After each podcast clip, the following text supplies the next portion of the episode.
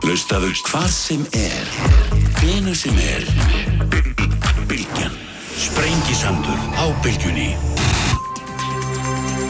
Sæli lustundu góður, velkomnir á Sprengisand aftur. Við höldum hér á stað sem leiðlikur. Jón Karl Ólarsson verður hérna í logþáttar. Þau verða hérna líka Þórtís Lóa Þórastóttir og Eithor Arnalds. Drífa Snædal verður hér, Gunni Börsson, Lárus Blöndal. Uh, en fyrsti gestutum minn í dag er Sigurður Ingi Jóhansson sem er samgöng og sveitistjórnar á þeirra og formað framsóknarflokksins auðvitað. Oddviti Ríkistjórnar er einn af þremur. Velkomin Sigurður. Já, takk fyrir það. Að þessum hérna, sögulegu tímum sem að byrja nú á klassinskum stað.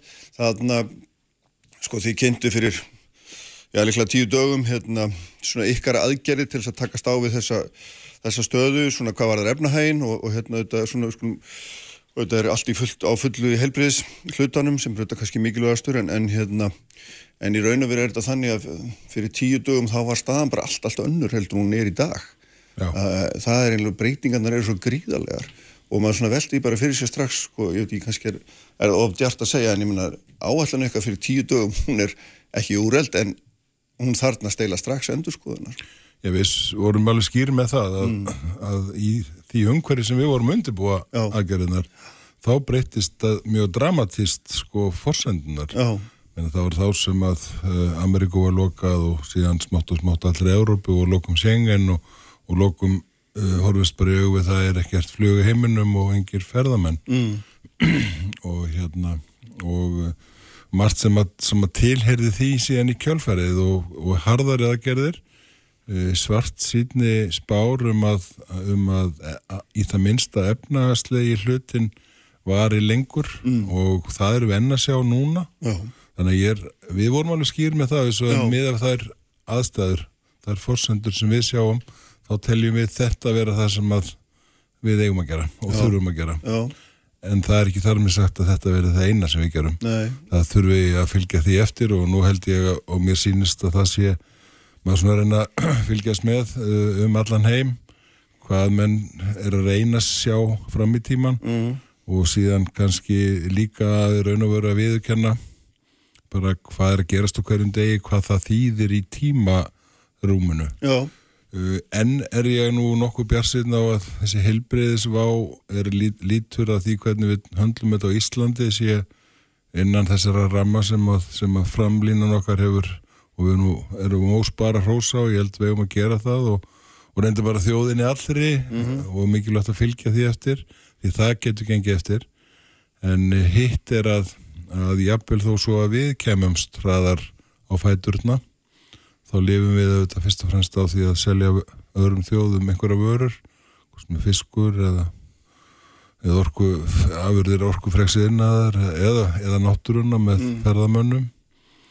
Og það verður auðvitað skrítið hagkerfi þó að við værum hugsanlega komin í gegnum það ef að heimurinn er að síðan allur að basla enn. Já, og með tilherandi lókunum og, og, og kannski svona samdráttar kreppu í hugsun. Mm, og þess vegna mun skipta máli.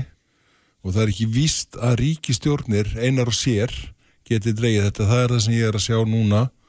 Uh, þó að við getum auðvitað gert mikið á fyrstu stegunum að þá verði þetta svo litið aukinn samvinna. Mhm, bæði innan landa þar að segja allir gerir sér meir ljóst hver samfélagslega ábyrð þeirra er en líka ríkja þar er kannski það sem maður hefur svona áhyggjur af Já. sáum auðvitað hvernig menn meiri sig innan ríkja Európusambandsins bröðust eiginlega við með því að já, hver með sínu Lo- hætti í gruninni. já, og bara loka nokkur Já, og ekki já. eins og láta hann vita sko Já, já, já, já. og jafnvel að og passa að, að vörur fari ekki frá einu land til annars og Já. við erum að sjá það þegar, að- þegar það lenda vörur frá Kína í einu landi sem að voru á leiðinu til annars Örburslands þá er það bara teknar í því landi sem að flugulinn lendir. Þetta er auðvitað ekki það sem að við munum komast út úr þessari, Nei, nei. þessari veiru. Nei, nei. það er bara ein leið til þess.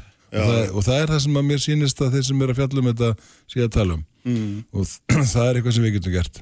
Þannig að já, það var nú doldið langt svar um að efnaðsaðgerðunar voru miðað við þær fórsendur sem við erum með. Já, en hvað En- sérðu þá núna, svo ég eh, aðeins stýtti það, hvað sérðu þá núna nú þegar? Ég meina, ég, ég bara ég fór að skoða allar með skýsluna sem þið gerðu um innviða framkvæmdirnar. já, Þar töldu þið að tapið á dag væri 1,7 miljardur Já. með að við að hérna, allt væri í strand. í svona sambarlega Já, átt veður já, sem var hérna já. 10. desember Já, og ef maður svona, í, staðan í dag er kannski eitthvað svipuð, það er við stöndum í farviðri mig og sennilega heldur verri og segja að tapir sér kannski 2 miljardar á dag út úr hérna samfélaginu. Og við erum að tala um kannski 60 daga, ég meina, Já, ég hef sé, hvað? ég hef sé greiningar þar sem að einstakar einstakar atvinnugreinar allt frá því að vera að segja bara hvað þóla veitikastæðir er það tvær hólvika það voru alþjóðlegar með pælingar e, e, yfir í einhver annar geiri myndi vera í þrjár vikur og svo fjóra vikur og, og kannski fastegnasalar í sjö vikur eitthvað slegt mm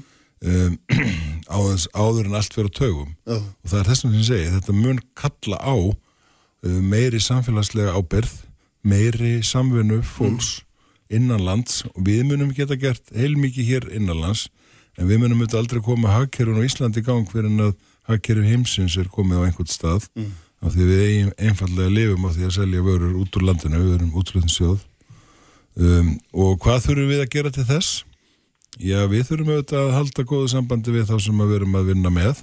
En við þurfum fyrst og fremst að hafa hlutin í lægi hérna innanlands og í því skín er þessar fjárfestingar. Við erum að bæta samkeppnis hæfni landslutana við bara kortlöðum hvað er hægt að gera á þessu ári til viðbótar þeim gríðarlega innspýtingu sem ríkistjónin hafði áformað. Já. einhverjum 80 miljardum í, í framkvæmdir. Og uh, síðan fór það inn í þing og menn vildu leggja á, á meira ég held að þetta verði gríðarlega góð innspýting, ég held að við munum ná svona mm, sjá hérna í þessu lokaða hagkerfu okkar sem að hugsanlega verður á næstu mánuðum mm. uh, jákvæða hluti þegar við erum komin út úr heilbreyðsváni en uh, og þar leðandi verðum við með sterkari viðspyrnu að takast á við við alheims viðskiptin þegar að það opnast. En við þurfum að viðkenna það að það gæti tekið lengri tíma og það þýðir einhverja af þeim aðgerðum sem að ríkistjórnin kynnti hér eh, í síðustu viku, upphæði síðustu viku að um, þær, þau gætu þurft að hérna, framlengja eða breyta og Já. við höfum verið alveg opinn með það. Já, en nú er þetta þannig að sko, hérna, maður skoðar spádóma vísustu manna, þá er það svona þetta misjætt sælabankin hefur nú þótt frekar svona bjart sín í sinni nýjustu spá að margra mati enda byggður þá gögnum frá, frá upphæðu þessa mánaðar og hérna sem að svona það hefur bara svo margt breyst að það er kannski valla ábyggjandi en, en sko það er þetta ljósta atvinnuleysi verður gríðalegt og, og hérna og svona, ef, að- ef að þetta verður eins og fer, fer eins og svona svartsýnstu spár ganga eftir og þá, þá náttúrulega verður, verða heilu starfsgrendar komnar á laun hjá ríkinum mm. og það er, það er í sjálfum sér ágætt í upphafi en spurningin er alltaf hversu lengi og hvernig hættir maður því að því að nú geti þetta verið þrín mánuður eða sex mánuður eða eitthvað og, og einhverju tíðanpunkti verður náttúrulega ríkið að segja "Heyrðu, nei, nú borgum við nú ekki ekki meir sko Á einhverju tíðanbundi þá þurfum við átt okkur á því hvernig við ætlum að geta greitt þetta tilbaka. Já. E, núna hefur allt sem við höfum gert verið snúist að því að reyna að stitta þennan tjónstíma. Mhm. -hmm. Því að því stittri sem hann verður og kröftu viðspyrna eftir þá getur við raun og verið framleitt þá fjármögni mjög, mjög fljótt inn í, inn í þetta gap. Hins vegar ef að, ef að þessi tjónstími verður mjög langur og þá munum við líka verða leng, lengri, það mun taka heldur lengri tíma að komast að stað og við verðum þar að leiðandi lengur að greiða tilbaka og kannski mun það hafa neikvæð áhrif einfallega, þetta verður svona svolítið neikvæð spírall eins og við þekkjum úr, úr alheims kreppum áður og ég held að það séu allir svolítið meðvitaðar um þetta það sem er að gerast síðan á, á sama tíma núna af því að við erum svolítið að tala hérna um stóru myndina að það gerist margt svona við hliðina. Sko auðvitað kemur í ljós að heilbískerfi okkar er gott og mentakerfi er gott og það er verið að takast á við það að halda, halda skólakerfinu opnu og þetta, þetta virkar. Og við sjáum að velferðarkerfið er gott og meiri segja þegar það fyrir að hyggsta og það er gerist núna það, va- það veikist fólk að þá lætur kerfið vita og við erum búin að setja á lakirna viðbrasteimi félagsmálur á þar að setja þá lakirna með, með sveitstjóðaráðuranum og sambandíska sveitafélag í, í samvinnu við heilbriðisráðuneytið og, og mentamálaráðuneytið og við vitum nú þegar svona snemma í ferlinu að meira segja semst, tilkynningar um, um aðbúnað barna þær eru hættar að berast en þá leita þær annað og það leita inn í hjálpa síma Rauðakrossin 1717 og þess vegna erum við að beina fjármun það sem mér finnst vera jákvæmt að gerast núna er að við erum það er allir á tánum Já. og kerfin er að virka og menn eru svolítið að vinna þetta í, í, hérna, í stjórnunum, í ráðnetunum hjá sveitafélagunum eh, sem eru öll með nærþjónustuna. Bara í samgöngur ráðnetunum þá er sagt, herðu, það er ekkert flugorð á Íslandi, við verðum einhvern veginn að tryggja lámasflug borgarþjónustu auðvitaðriksvæðin sem standa sér frábærlega. Hún er, segir, segir okkur að það voru einhver x þúsund sem voru talin búa Erlendis. Svo tal hefur alltaf verið að hækka og komin upp í einhver 11-12 þúsund manns sem vildi húsanlega koma heim. En það er ekkert flug þannig að við gengum í það í samgangur áðunettinu núna á síðustu dögum að raun og voru að gera samkómulag samning við Æslandir um að tryggja ákveði flug vestur um haf og inn í Evrópu í því skyni að það sé þá möguleiki fyrir þetta fólk að komast já, heim. Já, og, og það er svona margt svona sem er ekkit á radarnum stóra helbriðsvár radarnum eða stóra efnahasradarnum en skipta gríðarlegu máli fyrir að samfélagi gangi Já. sem að við erum að vinna alla, alla daga og mér finnst sattbæst að kerfin okkar vera betri heldur en við höfum oft já við höfum grundu grimmilega á síðust árum, þau eru betri þau eru að virka Við erum sérfræðingar í að tala þau niður náttúrulega og, einhverjum að sérlega þeirra velgengur. kemur í ljós að þeir eru bara ágætt og, og hérna En á móti sigurður, veistu það náttúrulega líka alveg eins og ég að fólk er náttúrulega að leggja sko 200% vinnuframlega fram í þessi kerfi til þess að þau algjörlega. hungir á þessum yfirsnúningi augnablikinu, a- ekki a- satt? algjörlega Og það er náttúrulega merkilegt þegar maður nefnir það að það er auðvitað ósamið við sko eina líkil stjættjúgrunafræðinga til fimm ára sem að núna er gríðalegt álag á. vissulega og það er að því miður verið allt of langt þar á milli sem að en hafa ekki geta brúað því miður Mm. En sko, hérna, uh, það, mér langar að spyrja út í tölur vegna þess að það er, það er oft hérna svona, uh, fjármálaráður var hérna fyrir vik og hann sagði umfang aðgerð okkar er 230 miljardar. já, Þegar maður fyrir að skoða þetta að þá kemur í ljós að þessi 230 miljardar eru nú kannski að stæstum hluta bara frestun á, á gjöldum sem er verða greitt síðar. vonandi. Já, vonandi, já, einmitt, en, en, hérna, en það er svona, og maður saknar þess svolítið að, að sjá ekki nákvæmari framsetningu og maður saknar þess líka svolítið að sjá ekki meiri nýja peninga setta af ykkar hálfu, þetta var alveg eins þegar innviða áallinu var kent, hérna, kynnt, þá voru líka mjög stórar tölur, en maður fór að rukka hérna fórsetstráður um hvað er henni voru var nýtt fjö inn í þessum áallinu, að þá var það ekki, láð það ekkert á lausu. Við erum auðvitað með þannig uh, kerfi í, í hérna í kerfunum okkar, þannig að sveiflu jöfnunin sem að kemur einfallega fram þar að lendi auknum útgjöldum þegar svona gerist í hjá, hjá ríkinu uh, það eru þá nýjir penningar uh, það er, var einhver starra gráða sem við vorum búin átt okkar á fyrir mánuðu síðan að gæti eða þreim vikum að væri einhver staðar eins og einhver staðar norðan við 100 miljardana Já, ætlaði þessi ekki farið að nálgast sko sunnan við 200 að verði halli á ríkisjóði. semst, að þessi sveiflu jöfnum Já, sem, já. það, sem kallar bara útgjöld út úr ríkisjöðu Já, já, ofan á þessar aðgerðir. Jaha, þannig að við munum, við, við, við, munum, 200 við munum bara ekkert sjá þessa tölu Kristján fyrir en stormurinn lægi. Mhm, við vitum það ekki fyrir en eftir á.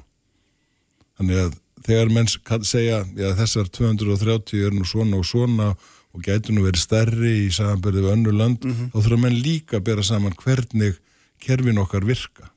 Af því að við erum með þannig kerfi við berum það saman við, við margar aðra Európa þjóðir að það er svona meiri útsláttur uh, bara svo dæmis ég tekið, aðurlisbætur rjúka mjög hátt upp og geta rókið mjög hátt upp. Mhm, um, og hérna hraðar heldur en í mörgum öðrum löndum, líka norrænum löndum.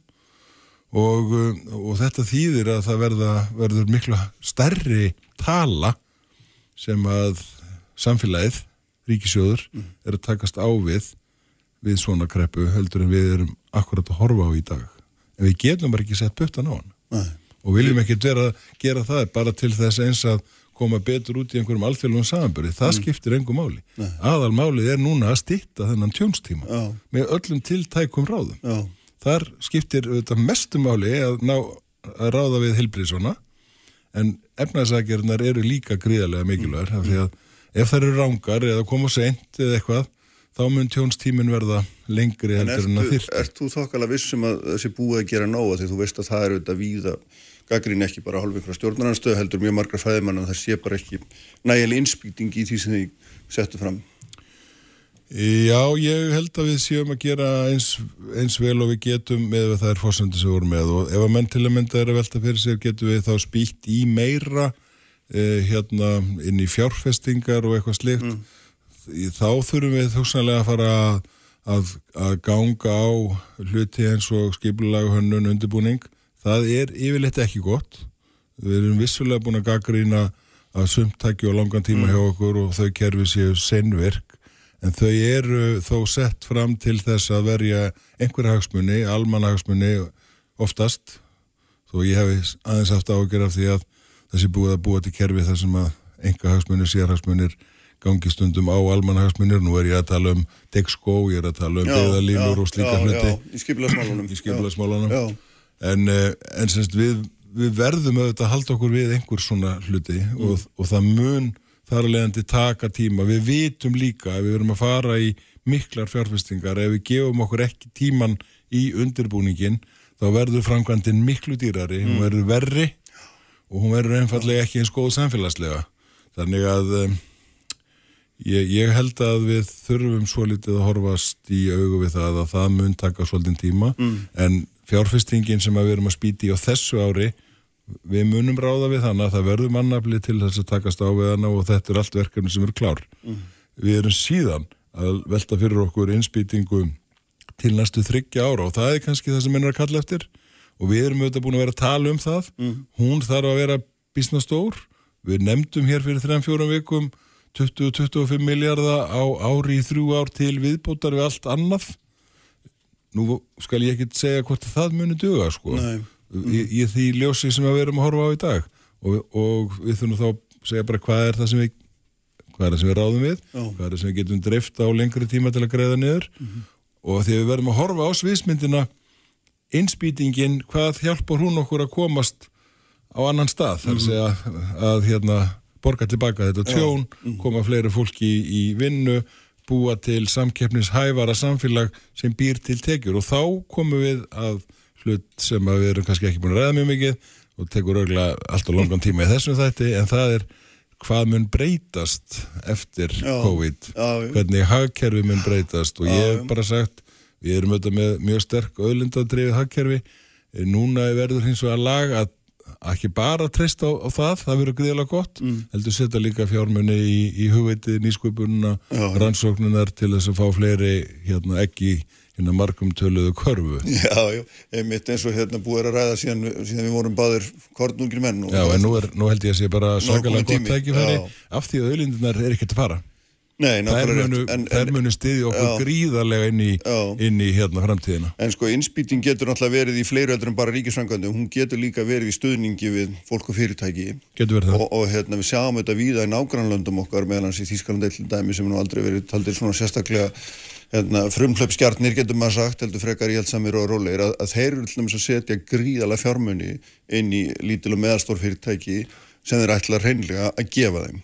Mm -hmm. Það er bara, hérna, markmið, þetta er bara styrkir. Við ætlum eins og vera að fara að lána fyrirtækjum, mörgum smáum fyrirtækjum vantarlega, uh, sem að þurfa síðan að þreja góðun og, og þorun og góðun í sumar.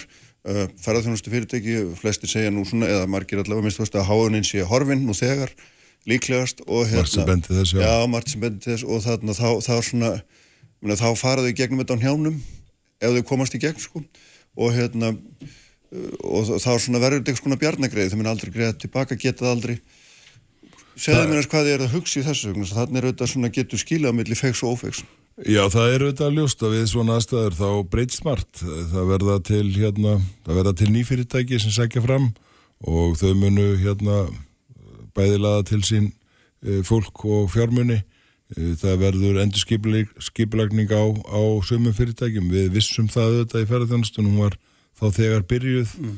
e, það er nú akkurat cirka ár síðan að, síðan að við ákvarfa hvarfa bröð með tilhærandi ja. áhrifum á þá grein þannig að, að ferðarþjónustun var í, í um, svona umtalsverðri endur skipilagningu um, og núna kemur þetta það sem að að mörg fyrirtækin voru kannski ekkit alltaf sterk fyrir mm -hmm. um, og þá held ég að það kalli á enn frekari endurfjár, endurfjármögnun og endurskiplækningu í þeirri atvinnugrein Þannig að ég held að það sé kannski full fljótt að fara að koma út með einhverja, einhverja eina patentlust núna. Fyrst og fremst að viðurkenna hitt sem er augljóst að, að hérna, það mun eitthvað annað og fleira þurfa til heldur en við erum búin að kynna. Um, við vitum hins vegar líka og við höfum séð það áður að íslenska hagkerfið er mjög fljótt að taka við sér þegar að aðstæður hérna, gefa, gefa tilefni til. Og verður þá þar alveg endi mjög stört. Við vorum að tala um þessar hérna, auðlendadrefnu, það, það, það er ekkert að fara, náttúran er ekkert að fara. Og um leið og fólk hver að ferðast þá mun það kannski í svona fyrstunni segja, já hvert vil ég fara? Ég vil nú kannski frekar fara á heimsækja land þar sem er náttúra og færa fólk heldur en að fara inn í stórborgir heimsins. Uh, og kannski verður það bara hérna verður, verður sóknin stærri á því sviði og ef okkur, ef okkur hérna gengur betur að, að svona skipulegja fjárfestinguna í nýsköpunum og rannsóknunum þá bara getur vel verið að við, að við náum þessu hraðar en það er alveg rétt, það getur orðið töff tímar fyrir ákveðin fyrirtæki í ákveðin maturungrænum, sérstaklega þau sem að hafa ekki staði vel síðustu tvö árin. Já, sko það, þegar við fyrir að tala um þetta þá leitar hugurinn þetta ósjálfrátt að þessari lang mikilvægastu samgöngu æð okkar í nótulandinu sem er þetta flugið og það er eitt fyrirtæki allsráðandi.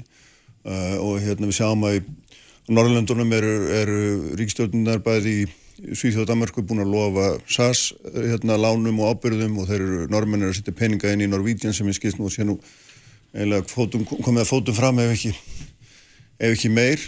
Hvað, það hlýtur að vera inn á borði hjá ykkur þetta líka, það er annað er eiginlega bara óhjákvæmilegt Já, við augljóslega fylgjumst með og eins og ég nefndi hérna áðan að svona í fyrstunni þá, þá hérna áttum við uh, fundi og fyrirtækið hérna hefur komið fram og sagst er að bysna velstatt mm. með gott eigið fjö og slikt en síðan breytist náttúrulega bara allt þegar að það er ekkert flug. Nei, nei, það, En við þá tryggangum þá núna í þessu skrefi núna inn og, og segjum hér við þurfum á því að halda og allra hluta vegna að hér sé einhver samskipti við, við Vesturheim og Östur og Európu og tryggjum það með samkomulagi við félagið. En auðvitað erum við að fylgjast með öllu því sem er að gerast, það mm. segir sjálft það er alveg rétt hjá þér, þetta er gríðarlega stort og mikilvægt fyrirtæki á, á hérna í ferðarþjónustu en Já. líka bara sem flutningafyrirtæki já, já. til og frá eigu og bara sem þetta samskipta æð okkar við umheimin í þeim skilningi Við veitum og, líka í þessu flugi þá hafa verið erfið tímar, það verið mikil samkeppni og hafa mörg fyrirtæki gefist upp áður en að þetta kom upp nú síðan kemur þetta og þá verða þau enn fleiri þau, þau standaði mitt ekki vel Mm. uh, uh, og hérna það verður greiðarlega endurskipulagning á þessum markaði og við höfum svo sem sé að það gerast áður Mm. Líka á Íslandi Já, já, en þannig að því, maður getur svona dreigið þá áleftur orðin þínum að þetta er eitthvað sem er eitthvað, á eitthvað borðum að skoða hvernig, vegna þess að fjármála það saði líka, reyndir ekki hér, en að, annar staðar að Æsland er alltaf til, hann saði hér að það kemur ekki greina að bjarga félagin eða bjarga hlutónum, en það kemur greina, til, greina að bjarga félagin eða það þyrfti á að halda eða halda restri skangandi með einhverjum hætti. Já, við munum alltaf þurfa að tryggja hér eh, flutninga á vörum og, og fólki Mm. og við sem, sem hérna sem fullvalda þjóð og eiga út í, út í allasafi þá er flug mjög mikilvægt og það er fórsenda fyrir ferðþjónustu þannig að við munum alltaf þurfa að ganga þar, þar hérna og hafa það fyrir augum. En það er líka augljóst að, að, að félagið er í eigu hlutafa og, og þeir byrja auðvitað ábyrð á rekstur þess og, og þurfa að hérna taka sínir ákvarðanir áður en að til þess kemi að, að ríkisvald færi að, að stíga inn í eitthvað slikt. Mm, En hversu, er svona, hversu nálætt í eru þið komin að skoða þetta einhverju alvöru? Við erum fyrst og fremst að fylgjast með þetta gerist vissulega rætt en, en alveg eins og fyrirtækið hefur sjálft sagt að þá var það bísna velfjármagnað og, og, kannski betur undir þetta búið heldur en maður skildi ætla svona meða við samkefnina grimmu og, og, og maksumræðuna og allt þetta sem mm. undan hefði gengið þá verðist að vera betur í stakkbúnir fyrir þetta heldur en marg, marg annur félag þú nefndir hérna Norwegian sem er einmitt eitt af þeim félagum sem hafa kannski verið að kalla fram þessa óeðlilegu samkeppni og óeðlilega lágu verð og það er alveg taprakstur á, á flýjum allan heim. Já, já, en það er auðvitað, sko, í þessu samingi sem varst að nefna áðan við tölum ekki um, myndum ekki geta að fara út í hér en það er auðvitað breytingar á hagkerfunu og eitt af því sem maður sér náttúrulega núna endur tekið verið svona endur tekin endur tekið vísar á 2008 er þetta kapitalismin kom á njánum ríkisins og beða það að berga sér. Og, hérna, Það er oft sagt Já, að því að nú ráðar ekki við stöðinu sjálfur og, og hérna maður sér náttúrulega svona og ég held að nú svona ákveðna förðu er að fyrirtæki eins og Bláalóni sem hefur mókað inn peningum síðust árin verið reyn gullnáma fyrir þá sem það eiga uh, hérna, hugsa sér ekki tvísar um og sendi 400 manns á launaskrá hérna ríkisins og stæstum hluta. Já, maður fullkvæmlega skilning á, á á þeim sjónamöðu sem þar hafa verið sagð fram mm. uh, og ég vil bara segja sko það sem að ég hef verið að skoða núna síðust og er sannfærður um í bínu hjarta að, að það sem mun breytast við svona, við svona heimsfaraldur er að menn munu átta sig á því að það kerfi sem á hér var þar sem að að hérna já við höfum séð út í heimi þó að sé nú ekki reynslan á Íslandi að það er alltaf verða færri og færri sem verða ríkar og ríkari mm. og skiptingin er ójafnari sem er enda þvert, þvert á móti ekki á Íslandi en ég held að þessi staðarind muni breytast við munum ekkit ráða við slíka heimsvaraldra ef við gongum ekki í hinn áttina mm. það þarf einfallega það þarf, það þarf meiri samfunnu mm.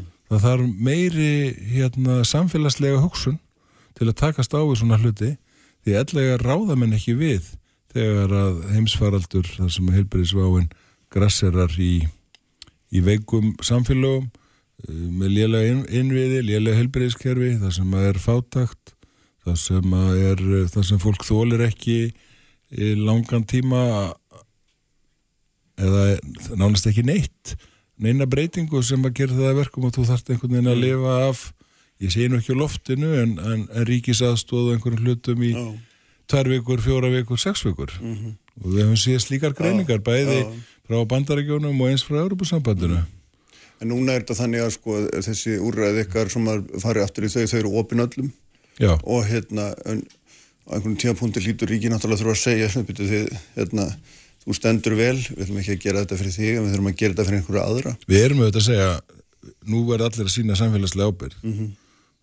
og uh, þeir sem að hafa ekki orðið fyrir því tjóni að tapa 25-30% 35% af teikjónum sínum og, eða, og ég vil standa bara svona svipaðir þeir þó að, ker, þó að hérna, þeir gætu hugsanlega komast inn í að nýta sér það gerir það ekki mm. það er samfélagslega ábyrð að halda samfélaginu gangandi og uh, í því skyni að, að hérna, við komast að hraðast í gegnum þetta mm. og ég, ég er alveg samfarið um að það er eitt af því sem að mun breyta hugafari við svona heimsvaraldur það er að menn gera kröfu um slikt og þeir sem ekki eru tilbúin að taka þátt í því mm. þeir fá ekki klappabækið eða gútvöld þjóðar um, um það. Mm -hmm.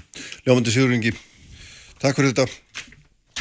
Haldum hérna áfram eftir ögnablik Guðni Bergson og Lárus Blöndal þá ætlum við að snú okkur í þróttunum Sprengisandur á bylgjunni. Sprengisandur á bylgjunni alla sunnundasmórna Sælir afturlustendur, þá er hann farin frá mér Sigur Ringi Jóhansson, sangvengu og sveitastjórnar á þeirra uh, Jóni, á Jóni Kalli Ólarssoni um, hér í lok þáttar og þau verða líka hjá mér Þórti Slóa, Þórastóttir og Eithor Arnalds sem út drífa Snædal en í augnablikinu ætla ég að vinda mér aðeins yfir í ég ætla aldrei annan handleg Gunni Bergssoni sestur hérna hjá mig formaði KSI og Lárus Blöndal sem er fórsett í ISI er einhver staðar í, í símanum. Sæl Lárus Sæl Lárus, ertu þarna? Já, já heyrður ekki mér? Jú, ég heyrði þið núna. Ok. Eitthvað látt samt? Ég er hérna á Suðurlandinu. Já, þú ert á Suðurlandinu, já, einmitt. Hérna, uh, ég heyri reynda fyrir að látt í þér, en það er sama. Hérna, mér langaði eins að spjalla við ykkur um, um hérna, stöðuna í Íþróttaheiminu vegna þess að, að hérna, hún er auðvitað svona á margan hátt, sko, margan hátt mjög, mjög svona erfið og, og hérna, maður sér maður sér út um allan heim að, að það er það að byggja íþróttamenn að taka á sig launalekkanir og, og menn eru að skera niður rekstur og svo framvegis og svona hvernig, lágur að segja, ég má aðeins svona byrja því að svona breyðara með þér hérna, sem fórst í sí, hvernig horfir þetta við, við ykkur? Ég það má segja kannski að þetta hefði verið svo sem að gerast í ákveðin tíma við sjáum það bara á, á, á því meðal annars að, á síðasta íþróttaþingi í sí sem var haldið fyrir tættu árið síðan þá var ákveðið að skipa nefn til að skoða rekstur bolta íþróttagreinana eða félaga sem, sem er með bolta íþróttir og, og það þetta kemur til að því að menn voru að sjá svolítið framann í vandamál sem að sem- í rekstrinum sem að þarf að skoða hvernig hægt er að bregðast við.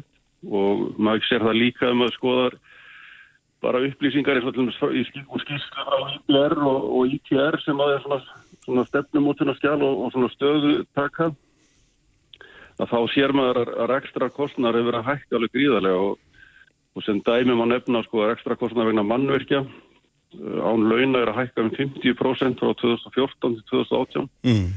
og meðan að, uh, meðan að hérna, neysluvístælar hækka um 9,9% og saman má segja um launin að þau hafa verið að hækka um 51,4% á þessum tíma sem, er, sem eru 541 miljón fyrir hvað fimm, uh, nýju félög Mm. Og á sama tíma er endar sko launavístalan hækkum 35,8% þannig að launaþróun í landinu er líka hafa áhrif og síðan höfum við alltaf grunnsengri það að, að, hérna, að rekstrar eða þáttaka atvinnulífsins í stuðningi við íþróttalífið sé að fara minkandi Já. og það er, veldur okkur verulegum áhugjum Mm. Þannig að það er, þetta er sérst bakgrunnur þess að við erum að sigla inn í þetta ástand núna. Já, og síðan er nú verið að segja sko, að, að, hérna, að veiran, sko, hún svona drægi fram þetta vandamál. Sko, Já. Félögur eru þá kannski orðin veikari fyrir til að takast á við svona, svona áföll eins og núna er að ríða yfir. Já. Hvernig, Guðni, hérna, maður var þetta var við það, við horfum hérna yfir lögadalina því voru búin að leggja mikinn kostnað til þess að halda í fótballtaleik hérna 2017 og, Já, já.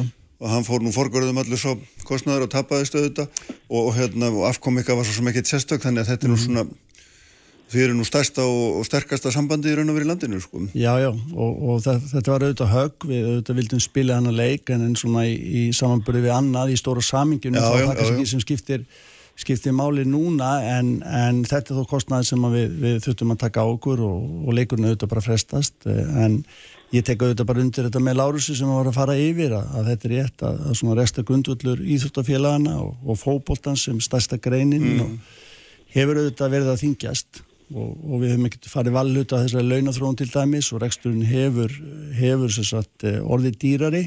Á þessi veru við höfum náða að, að fá svona tekjurnar upp á móti. Og, og, og en það góða í þessu er að, að undarfarið hefur svona þessi umræða komið upp á yfirborðið sem að var fyrsta skrefið. Og, og, og ég bara eh, hjá okkur í KSI og, og knastmyndurhefingunni að, að, að þá voru menn þegar byrjaðir á því að takast á þetta og reyna að leita leiða til þess að tækla þetta í rauninni og, og fá svona eh, já, helbriðir og, og betri rekstur eh, almennt séð eh, inn, inn, inn til félagana og félagum bara hvert fyrir sig voru að takast á við það. Þannig að núna í þessu umhverfu auðvitað þá, þá, þá auðvitað er enn frekar en áður auðvitað þörf á þessu og við erum bara að vinna mjög ötulega í því með aðaldafélagunum að, að greina stöðuna hvað við getum gert og þetta, að, að rýna þessar aðgerir ríkistjórnar innar og til þess að, að koma með okkar ábendinga þannig að þessi úrræði geti nýst okkur hvað best og við erum bara í þeirri vinnu og, og, og vonustuðu til þess að vinna bara vel með stjórnvöldum uh, til að fá góða lendingu í það mál. Lára Svari, sko, þarna 750 miljónur átt að koma saman til menningar og íþróttamála skildist mér. Þetta er nú ekki, þetta er nú ekki stóru upphæð og, og mann er skist að þriðjungur á henni farið til íþróttamála og þegar það er nú svona, þegar því er deilt niður á félög í landinu í öllum mögulegum greinum þá er þetta nú ekki, þá er þetta nú ekki feitu biti. Nei, þetta er ekki björgunni það gerð kannski en, en þetta er hugsaður þetta til þess að mæta kostnaði sem beinlýnis og tengist þessar, þessum veru faraldri Mm. Og við erum, það er búið að stopna, við erum búin að setja á lakirna vinnuhóp sem að sem hefur hafið, hafið störf og, og, og það er svona verið að reyna að finna aðferðir til þess að, að, að vinna þetta áfram en að mann geti, geti þá reynd að, að, nálgast það tjón sem hefur orðið. Og ég veit að vinnuhópurinn er að skoða sérstaklega hvað, hvað hérna, okkar okkar íþróttarhefingin á Norðurlöndum eh, hvernig þeir eru að vinna þetta og, og, og þannig að við gerum ráð fyrir því að innan ekki mjög langs tíma þá verði verði sem sagt, óskað eftir upplýsingum frá hefingunni til þess að, að, að vinna með þá einhverja aðfyrrafræði til að greiða út og, en þetta að vísu það er nú ekki búið að það er ekki búið að samþykja þetta ennþá alþingi þannig að við nei. ekki að býða eftir því en við vonumst til þess að það verði bara í, í næstu viku Já. En ég er ekki, en vantlega hefur nú átt vona því að þetta er eitthvað hérna, drýgra heldur en þetta. Sko það er náttúrulega líka hitt eins og hefur komið fram að, að, ríkstjóðin hefur sagt að þetta sé fyrsta aðtrennan af þessu vanda og við gerum þá ráð fyrir því að ef það kemur, kemur í ljós að, að, að það vandar tölvöld mikið upp á að þá munir menn eh, reyna að koma til mótsögur í því. En er ekki, svona svo ég spyrði áfram, er, er, ekki, er ekki svona, er ekki hlutur ríkisins aldrei sko lítill í stuðningi við Íþróttur á Íslandi yfir höfu með að við það sem annar staða gerist og, og, og, og lítill að með við sveitafélög? Það má segja, sko, ef maður tekur sko, hlut sveitafélagana uh, þá náttúrulega er, er það gríðarlega mikið uh, sem að þau leggja til, komur að segja, hérna græsrótastarfsins til félagana og, og uppbyggingu íþróttamannurkja í sveitafélagum hefur náttúrulega verið gríðarlega kostnaðasum og hún svo sem stoppar aldrei, það er alltaf, kröfunar eru alltaf aðvikast og, og það þarf að breyðast við hérna auknum fjölda og, og hann að, að svo uppbygging heldur heldur áfram og er kostnæðar sem við segja en ríkið hefur hins vegar er fyrst og reynst komið, komið af málum í gegnum greiðslu til afreysjós til dæmis en svo má náttúrulega segja líka að Íþróttarhefingin nýtur náttúrulega þess að að hafa engaleifi til þess að reyka hérna, lotto starfseminna mm. það hefur skilað tölurverið fjármennum til hefingarinnar og mjög mikilvægur hjáttur í fjármennum hennar en, en, en bein, bein fjárframlu frá ríkinu hafa ekki verið mikil utan utan uh, þessara greiðsla til, til Afriksjóð sem er enda að hafa stór hækkað undan þetta árum og eru konar í 400 miljónir á ári mm. En, uh, en áður fyrir þá var það nú þannig held ég, ég farið rétt með að ríkið tók þátt í uppbyggingu íþróttamannvirkja með einhverju 20% framlægi eða einhverju slíku Já, sem að síðan hefur verið strykað yfir Já, ég held að það, það hefur ekki tíkast núna um langt ára byrj, sko. Mm. En hérna, Guðni, sko, er, er komið að því núna Ísluturhenginu þegar við erum búin að rekja svona annan formál og svo sjáum við þess að veru og það áhrif sem hún hefur um allan heim að hérna, og menn eru alls þar að draga saman seglinu að hérna þarf að fara að setja einhvers konar þaka á launagreyslir í knaspinu hvernig ætla mann að ráða við hann kostnaðugna sem að sér bara öllum svo ekstra tölum eins og Lára Svarnum að vísa í án þessu skýslu frá Íbera það eru auðvitað bara spíralast áfram upp á við. Mm. Nei, ég, ég er nú ekki inn á því, ég held að við verðum auðvitað að fara að vallega í það, þetta er auðvitað samkynningsumkörfi og, mm. og, og, og undir samkynningslögum og við erum ekki allavega eins og komið með undan þá frá þeim, við erum að hafa það í hug og lönnþjóð. Það er náttúrulega það á lönnum í, hérna, bara í löndum eins og bandaríkjanum, sko. Já, já. Í, við séum ekki fótballta veit ég ekkert um, en, já, en í öðrum greinum, sko. Ég veit að ég menna það má alltaf auðvitað skoði þessu og ég held að við séum bara að gera það sem reyfing bara almennt, ekki bara í fótballtanum og það mm. er bara vel og við, mm. við bara tökumst á við það því að við höfum átt okkur á því að, að á endanum með þessi rekstur bara eins og hver annar að hann verður auðvitað að vera sjálfbær og, og við höfum að passa upp á það. Græsútastarfi hjá okkur almennt gengur vel og er frábært, ég menna við erum með gríðarlega þáttuk ungmenna, barn og ungmenna í græsútastarfinu, það er svona tóltið gulli okkar en afreikstarfið eins og ekki bara hér heldur svo víða stundum að, að menn sækja hart fram og vilja ná árangri og, og, og hérna, við verðum bara að tækla þetta núna með aðeins lækandi tekjum og við erum einmitt bara í þeirri vinnu og förum hana áfram en, en ég vil svo bara taka sko, taka með þennan bolta hvað var þar sko ríkisvaldið og samspil við, við sveitastjórnir og, og, og ríkisvaldið. Að þetta lendir auðvitað sko sveitastjórnir almennt, sveitafélagin hafa verið að stiðja vel við íþjóttarheiminguna og, og ég raun og verið bæði með frístundakortum og auðvitað uppbyggingu á mannvirkjum og fleiri. Og það má ósegju núna fara einmitt í þetta hvort að ríkið eigi ekki að koma eh, sterkar að þessu mm -hmm. af því að þetta er gríðarlega mikilvæg þáttur bara í okkur samfélagi eins og við vitum.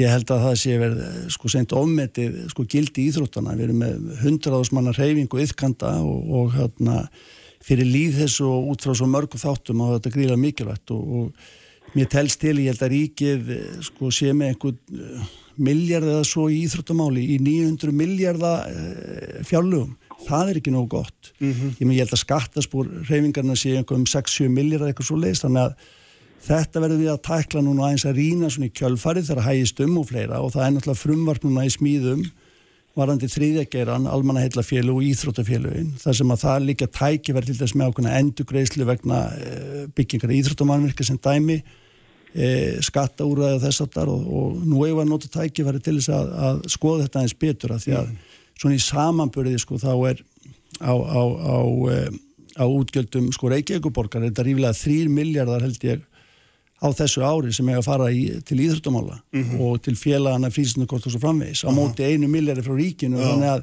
við sjáum að þarna er, er balansin ekki alveg réttur og við erum að skoða þetta og á sama tíma sem að við auðvitað tökum til í okkar ranni og munum gera það og, og reyna svona að bæta og styrkja reksturinn og, og, og þannig að, að vonandi verður bara reyfingin og umhverfið með haustunni og svo framvegis bara í betra horfi en, en, en hún er í dag. Já, Láru, sko, maður, þegar við horfum hérna við Guðni yfir lögadalinn sem að þú ser nú hérna, illu heitli ekki í augnablikinu en þá, hérna, þá kristallast þetta nú daldi í svona þessum mannverki sem við bara horfum hérna yfir sem eru gömul, úr sig gengin og hérna engi vill ekkert meginn taka ábyrð á ekki ríki vill lítið gera, borgin dreifur lappirnar og íþróttarhefingin er ekkert meginn sundur og veit ekki alveg hvað hún á að gera í uppbyggingunni sem allir sjá samt að er nöðsynlega, ég meina, þú sem fórst í því, nú verður hérna svolítið að nú hefur tækifæri til að höggva hnútinn Herðu, það er kannski fyrst langar mig til að segja varandi launin hjá, Já, sem að vera að greiða að, hérna, að það er ákvörða tannig að, að markaður náttúrulega hlýtur að stýra þessu og það er alveg ljóst að ef að félögin hafi ekki fjármunni að þá hljóta launin að, að fara niður og það er bara eðli, eðli markaður þannig að það er og veru þau viðbröð sem að sem að maður myndi ætla að yrðu við þessa, þessa ástandi að menn munu auðvitað draga saman seglinn þá til að aftur vera, að bætast í tekjunar En, en varðandi þjóðanækonga þá auðvitað hefur, hefur svo umræða verið mjög HR og, og náttúrulega KSI hefur núna nokkuð skeið verið að undirbúa byggingu á þjóðanækongi og síðan er í starfandi hópur sem ég sittin þetta í líka á við og mentamálar á þeirra og í tengslu við, við borgina um, um þjóðanækong fyrir eins og, eins og korfu og handknalleik og fleiri innigreinar og þetta er auðvitað allt saman sko þannig að það er mikil vilji heyrmaður hjá stjórnaldum til þess að koma til mótstuður heifinguna en, en það er ekki, ekki fundist rétti tíminn.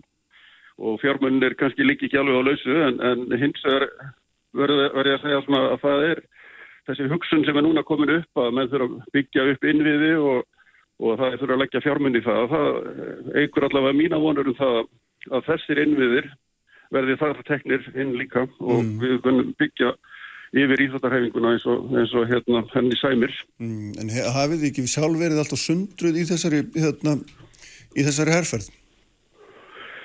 Ég, þetta er auðvitað mismunandi, úst, það er auðvitað, hérna, má kannski segja að sé ákveðin tókstur þetta á milli sagt, íþróttagreina, menn eru náttúrulega allir með sömu hagsmun að fá, fá hérna, mannvirki sem að hendar til, til hérna, til eh, sem sagt, íþróttakappleikja sem að, að hendar hverju íþrótt en, en og, og þá gefa menn sér kannski að það er ekki að, sé ekki að gera allt í einu þannig að það getur sko myndast ákveðin tókstretta á milli, milli greina en ég held að það er samt svona diplomatist vandamál. orðað hjá þér. Já, hann er náttúrulega fórsett í þessi, hann var að passa sig. Já, Þannig að það er í raun og veru, sko, já, ég held að það sé hvorki óðurlegt nýja hafi verið til trafala, sko. Nei, en þetta hefur tekið langa tíma samt sem aður. ég veit ekki hvað það meina en með því. þetta eru líka mikla fjárhæðir, sko. Já. Það er auðvitað, KSI er að hugsa mjög stort og, og vil fá leikfang sem að, sem að gerir mögulegt að í raun og veru að keppa í, í næstbyrnu hér á landi all, all, allan ásins ring og, og það er auðvitað mjög metnaðafullt en það kostar, kostar mi- mikla peninga og það kostar líka þessi fyrir innið. Þetta eru sko margra miljardar kostnaður sem að hérna, En finnst þér við standa, standa nær þessu eða fjær svona miða við það sem ádýnur okkur núna? Er þetta, er, að því þú nefnir þetta getur verið heppileg verkefni en heldur það, hérna, hugum hann að standi til þess? Ég veit allavega semst að, að, að og ég hef bara heyrt það af ráðurum sko, að, menn horfa mjög til þess að koma til móts við þessar, þessar óskir og eða kröfur sem hafa verið setta fram og, og það er nefnt í því samhengi að, að menn er að fara að vilja ráðast í umfásmikla hérna, innviða uppbyggingu og, og þetta getur bara passað mjög vel inn í þau, þau áform. Mm. En það er ekkert í hendum að það, það sé hluti að þessu er það. Ekki er það, nei, ekki ennþá en, en, en við munum auðvitað þrýst á það að, að, hérna, að menn horfi til þessa. Mm Guðni, Já, barátumál. hvað, hvað hef ég langar tíma með þess? Þú er lítinn tíma við Já, já, nei, nei, ég bara auðvitað tek undir þetta og ég held í raun og veru að það sé ekki svo mikil tókstreita íþjóttökun á milli en, en, en það eru auðvitað mismundi hagsmunir þarna og, Mm. og, og auðvitað í raun og veru kannski í syngur lænu annars vegar með, með leikvangin sem við erum Mm. að, að, að íta og þrýsta og búin að gera núna í 5-6 ár og, og síðan auðvitað inn í aðstan og svo framvegs en, en auðvitað viljum við að, að íþjóttun sé bara gerð svona hátundur hafðu þarna og það sé farið þessar fjárfestingar og málið er bara Já, staðnundir spurningin kannski snýrist með meira en sko hver beri raun að vera ábyrð á svona, það er eins og í augnumlíkjum að horfa þetta, það ætlar engin að taka ábyrð að þetta verði Já, klárað, sko, það er það sem ég er að fiska já, já, eftir. Já. allavega þarna, þá verður þetta að vera samspil held ég á milli auðvitað höfuborgarinnar Mm. eins og ég sé þetta helst og auðvitað ríkisins, ríki verður að koma að þessu og það er ég sem að Reykjavík hefur talað um það er kannski ekki sangjant að auðvitað Reykjavík borgi einn þennan kostna við þjóðuleikvanga og við verðum líka að hafa í huga það hérna erum við með sko leikvang eins og lögutarsvöllin, þarna rífilega sko 60 ára gamlan að upplægi eitt sísta leikvang í Evrópu þjóðuleikvang því miður. Og núna með núverandi leiki fyrirkommalagi í, bæði í reylakeppnum í mass og november þá getum við ekki spilað okkar landsleiki á heimavelli. Og það bara hindrar mjög okkar möguleika að komast áfram og ná árangri. og við verðum að sjá þetta líka því ljósi að auðvitað eins og ég var að tala um á hann græsúturinn hvað hann skiptir miklu máli en við verðum að átt okkur á þessu samingi millir græsúturinnar og afreikstarfsins við verðum að hafa þessa fyrirmyndir og möguleikun að komast í landslega verða Sara Björk eða Gilvið og Sigurs og svo framvegis. Þessi tenging að þetta hvetur svo þessar yngstu yfkundur okkar og við verðum að fjárfesta í þessu líka með árabili, allavega 60 ára millibili. Og, og, og það er bara komin tími á þetta og ef að ríkið og, og Reykjavíkborg gerir þetta saman að þá er þetta þá er þetta einhvað sem að er að sjálfsögðu vel yfirstíðanlegt í svona stóru samingi hlutana, hvað íþjótt að skipta málu og svo framvegis hverju verið að auðvitað að, að, að fjárfesta í hlutum og, og, og þess áttar að þá er þetta fyllilega réttlættalegt og bara löngu komið tíma á þetta. Og við erum náttúrulega á lögutislega berist í veðrið, annað kannski heldur en með, með inn í íþrótuna sem er, sem er an, svona annað sem að þar þrýst er á. En þetta er einhvað sem að ég held að við, við verðum bara að takast á við og, og klárum og löngu komið tími til. Já, ég veit að þú tekur undir þetta Lárus, við verðum að fara hérna að hætta. Já, en ég vil samt segja Já. svona lokum, sko, fyrir að við séum að ræða þessi vandamál Já, núna í þessu þætti þá, þá gætum við alveg verið að tala, tala um sko frábæran árangur íslenskra íþróttafólks og, og, hérna, og það er nú kannski það sem stendur svolítið mikið upp úr en maður er að tala um íþróttareifinguna, það er bara þessi ótrúlega árangur sem að bara að þjóðir heimsins standa bara akt og auður. Mm. og það er bara stóra fréttin, ég menna hún kemur bara sama hver er í heiminum. Það þekki allir þetta hús og frá fókvöldanum og, og menn tala við mann um, um íslenska knastbundinliði eða þetta er bara hérna, einhver aðdáðandaklubur sem að maður rekst á einhverstaðar í Asíu sko. Mm. Að, og, og það er það skrýtna að, að þessi, þessi, litla þjóð og henni hefur tekist að, að búa til svona sterka mynd af þessu öfluga íþróttastarfi og fútboltinn á náttúrulega það sko, hérna, mestan part en, en þetta er það sem ég finnst nægilega svona standa upp úr en við verðum að það er síðan verkefni sem að koma reksturinn í. Algjörlega. Og ég bara tek undir Já. þetta Lárus og þess þá heldur við að standa vel að þessu, vera á þessum tímapunkti bjassin og jákvæð á meðan við erum að takast á við þessar þrengingur og við komumst í gegnum þetta og verðum sterkari fyrir og eftir, ég er viss um það. Ljómandi. Herðu, gott er, takk fyrir að vera með okkur Lárus, takk fyrir að koma Guðni og hérna. Drífa Snædal verður hérna hjá mér eitt regnablík. Fréttir þjóðmál og pólitík. Sprengisandur á bylgjunni. Sprengisandur. Alla sunnudaga á bylgjunni.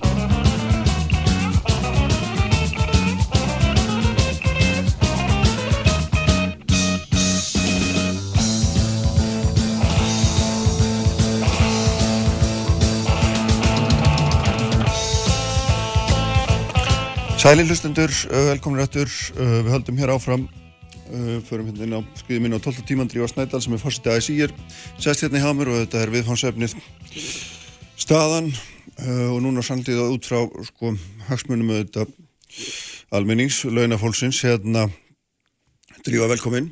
Takk.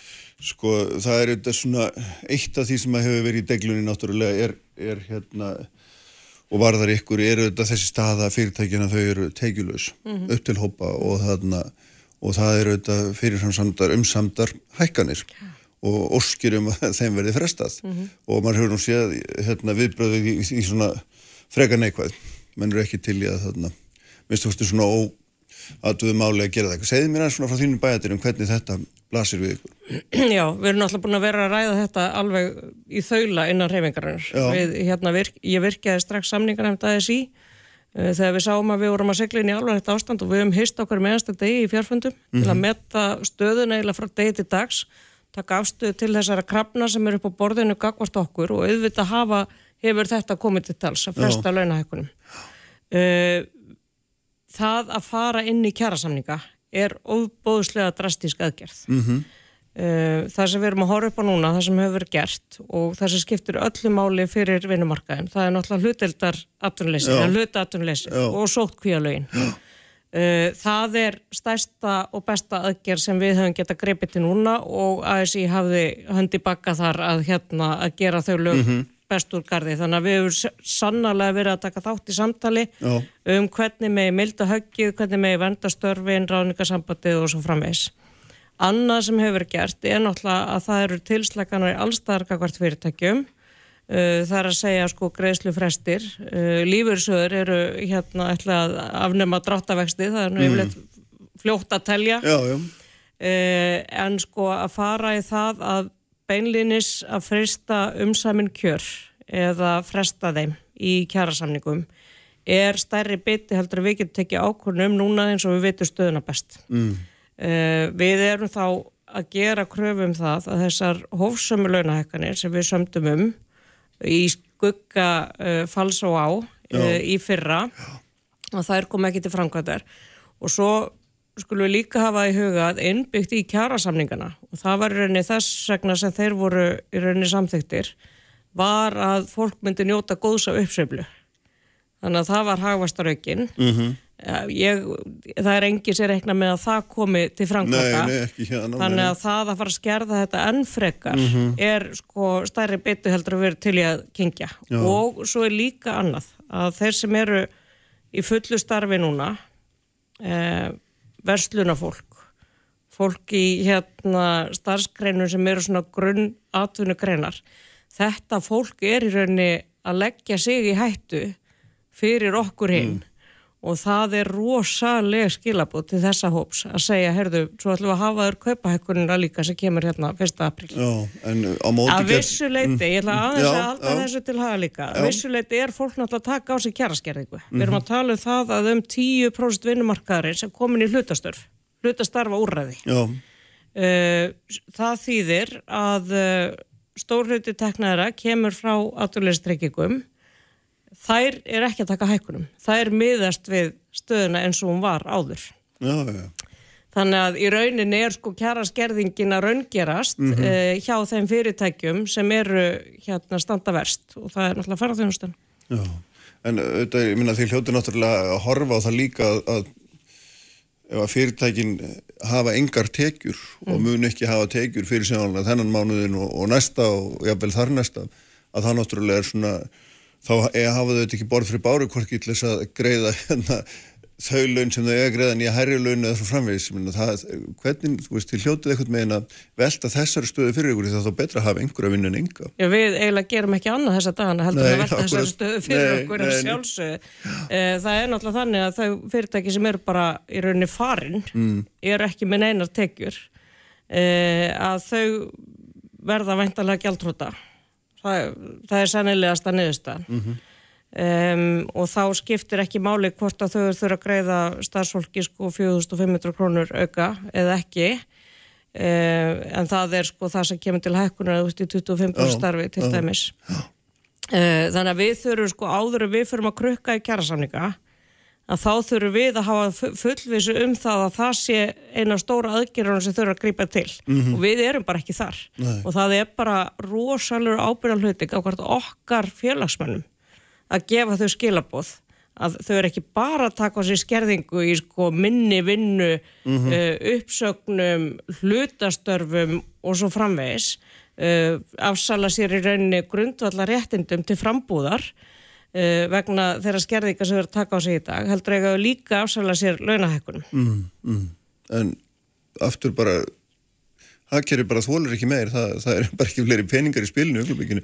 Nei, það er, endar, það er náttúrulega svolítið misjönd hvað dreipinu við já, eins og alltaf alltaf verða þannig, já. Þannig að það sem, við og höfum, það Mm. unnið út frá og lagt upp með núna, það er sko þessar stóru lausnir mm. Skilur, sem, sem sko kemur þeim til góða sem þurfa á að halda hvort sem það er fólk eða fyrirtæki. Uh, og svona einhver yfir alla vinnumarkaðin lausn eins og að, að hætta við hækkanir hérna kjærasamninga að það náttúrulega það er rauninni ekki aðgerð sem kemur þeim besti góða sem þurfa það og, og svo framvegs þannig að hérna það er svona uh, yfir allt aðgerð. Mm. Eh, en við höfum hins vegar vilja fara í þessar stóru lausnir og lagt okkar að mörkunum í því sannarlega eh, en það er náttúrulega líka krefst sko þrýliða samstarfs mm. og samtals Já, og auðvitað erum við stöðugt í slíku samtali já, það var svona eiginlega næsta spurning hérna, þið eruð í stöðu samtali við bæði stjórnum og vendarlega atvinnureikundu líka er það ekki? Við erum alltaf í samtali, Já, en- ég meina það er- alltaf opnað línur. Já, ég áttum að því, en, en svona, ég meina aukalega núna vendarlega út af þessu ástandi. Við höfum verið í mjög Já, miklu samtali og samræði við, Já. við alla, alla og alla. Já, sem er ákvaða nótum þá. Já, við til dæmis hófum þetta samstarf og samtal og það var rauninni að frumkvæði ASI uh, þar sem hérna sótkvíalögin voru sett. Það var nú svona fyrsta aðgerðin og þá heldum við að það var þessi drastíska aðgerð sem við Já. þurftum að grípa til og það var náttúrulega ekki. Þannig að þá er það uh, hérna hlutabóta málinn og, og síðan er náttúrulega verið að smíða núna frumvörp. Mm. uh, sem að við höfum alls konar skoðanir á og höfum svona marka okkur línu og það sem við stöndum í raunni uh, við kvöldum til auka miðstjórnafundar síðustu helgi til að svona út, hérna, búa til útlínur um, um hérna svona áframhaldið uh, það er verið að vinna í alls konar undirhópum að alls konar málum og ég vil sérstaklega minna á uh, mál núna sem er sko að beita að gefa þeim sem eru aðvöldisbútu færi á að endurmenta sig sem er stórmál og er eitt af því sem gafst best í rauninu. Uh, Það er hluti af þessu samræðu sem er í gangi og svo náttúrulega bara ganga símalínur rauðglóðandi Já, dag frá degi. en vantlega er stíf krafa að hálfu atvinnureikenda um að kjara samlangarnir verði ekki, ekki hérna numdur úr gildi heldur að þeim verði einhvern veginn svona hagrætt í þá að fyrirtækjan ekki satt. Já, það hefur komið til tals, já. Já, og þú svara með þeim hætti sem þú svara hér að það kom ekkert í greina. Já, ég meina það er bara, það er drastískari aðgerð heldur mm. við getum greipið tilgað hvort okkar félagsmönu núna. Já, er, sko, eitt af því sem að náttúrulega vekur aðteklum hans á þessum tímum er, er það að enga markaðinu, sem að segja, sem að nánast allir þínir hérna, umbjöðundur vinna, ger ég ráð fyrir, eða mjög stóðst í mjög stór hluti er að uh, hann auðvitað tekur á sig þetta gríla högg og, og þar missir fólk vinnuna í umvörpum og svo framvegis, en, en hinn ofinberi er náttúrulega bara, hann heldur auðvitað bara áfram eins og alltaf og þarna og maður finnur þetta svona ákveðna óanægi með með þetta og, og við erum gerða kröfun um það að, að ofinbæri markaðin taki á sig einhverja svipaða byrðar og, og þitt fólk er að gera. Hva, hvernig lýsing, hvað, hvað segir þið um það í ykkar samtökum? Uh, já, það er náttúrulega hluti af því að svona samtal þarf að eiga sér stað á breyðari grunni. Já. Ekki bara við að stökkva til og, og, og skerða kjör okkar fólks, heldur sko hérna þetta, sko ef að til einhverja úrræða kæmi frekar, að þá þarf líka að ræða þrýliða og allir við borðið og þá erum við að tala um sko uh, hugsaðlega breytingar á skattkerfi til þess að jafn útskilur finna einhverja leiðir til þess að þeir sem þurfa á stuðningi og stóða halda fái hana sannarlega og þeir sem þurfa hann ekki séu ekki að sækja það. -hmm. Þannig að ég lendi í raunin alltaf þar Já. að þetta er sko, þetta er stærra verkefni heldur en fara að krukka í einstakar kjærasamninga. Mm um, En finnst þér svo, sanngjarnt? svo verðum við náttúrulega líka að hafa í huga að sko þú veist, við verðum að hugsa óbúslega vel um þær stjættir sem eru núna að passa það að við getum passað upp á okkur. Uh, og hérna og það eru umönnarstjættir og það eru heilbriðstjættir og það er líka fólk í vestlun og það er líka fólk sem er í ræstingum og svo framvegs sko það er ekki sangjant að fólk sem er að leggja svona mikið að mörgum uh, sé einhvern veginn að, að hérna, taka skellin umfram aðra. Uh, það var að koma það eru svona byrtast núna fyrstu svona rétt ríndu vísindagreinarnar um afleðinguna af þessu og það er að meðal sko einn frá á, hérna elliheimili í bandaríkjónum þar sem kemur ljósa sko dánatíðni þeirra sem greinast með þetta sem eru íbúar er 34% og 6% meðal starfsfólks og þú veist, það er náttúrulega svakalegt og þá getur maður sagt sko að starfsfólk er í rauninni að leggja sig í hættu. Nú veit ég ekki hva, hvaða heilbreyðisrastafunni voru gerðar þar eða hreinlætis eða eitthvað svo lesa en við fyrirvörum. En sko það eru gríðala margir starfsmenn sem get ekki verið heima vinnandi eh, eru í framlínunni og eru beinlínis að leggja sig í hættu fyrir okkur heim og, og að fara að gefa þeim þau skilaboð að bara því miður, nú þurfið þið að taka hérna skell og herða söldarólna, það er náttúrulega bara banalt sko. já, þannig að það kemur allir til greina hálfu alþjóði sambandsins óskættir því að það gengi, allt, að gengi jæmt yfir alla, allan vinnumarkaðan ofnbæran og það er alveg rosalega stóra aðgerð og, og eina leiðin til að gera eitthvað slíkt væri sko að tryggja það með öðrum aðgerðum að fólk yrði ekki fyrir kjæraskerðingu sem síst skildi. Eru þið að því veit að þið eru með öfluga hatild og eru að skoða þessar tölur allar daga er, hvað, hvað sjáu þið núna í spílunum til að mynda varðandi varðandi þessa hérna, þessa hlutdeild eða hluta, hluta hérna, bóta leið eins og kallar hérna, uh, sko, hvað munir margir fara inn í þetta við erum, ríkistöndum talaði upphæfum að hún byggist við 20.000 mann sem ég held á fyrstu örfáðu dögunum þá komu 14.000 og ég meina hvað, hvað reikniði með að svona, hvað sjáu þið í þessum spilum? Já, sko, vinnumálastofnun gaf út uh, hérna á förstu daginn eftir lokun Já. að þau reiknuðu með 19.000 manns. Nú þegar komin hvað 15.400 Já. inn í þessa leið. Uh, ég held að það sé van áætla að það sé 90.000 manns með að við hvernig þetta fer af stað. Og, og við höfum átt í mjög góðu samstarfi við vinnumálastofnun og erum bara í sko hérna á fundu með þeim sko einu sinni tvisar á dag til að fylgjast mjög náðu með þessu. Sko við skulum hafa í huga, þetta er náttúrulega smá stærðir. Nei. Íslenski vinnumarkar telur 200.000 manns. Þannig að það er að stefni í það að eftir helgi verður 10% af íslenska vinnumarkaðinu komnir í Já. þessi hlutaúræði auk þess sem fyrir þetta veru ástand vor, var ástandi á vinnumarkaðinu orðið frekar alvarlegt í atvinnuleystölum. Mhm. Það voru um 10.000 manns á atvinnuleysskrá. Já.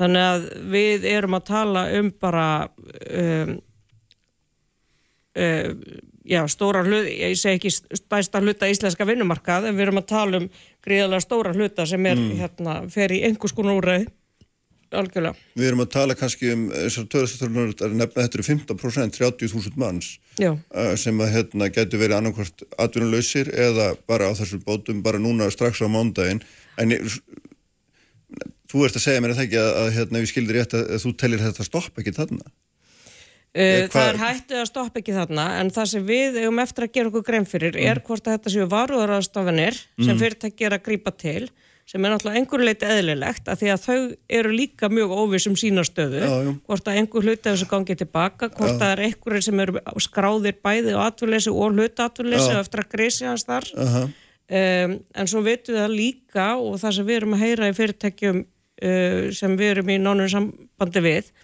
að sko þau eru að aðlaga sig líka mörg fyrirtæki alveg gríðalega mikið á þessum tímum. Veitingastæður eru farnir að senda heim þau eru jafnvel farnir að senda ráefni heim og, og matseðil með skilur og komnir í svona eldum rétt Já, hérna já. einhverja stemningu.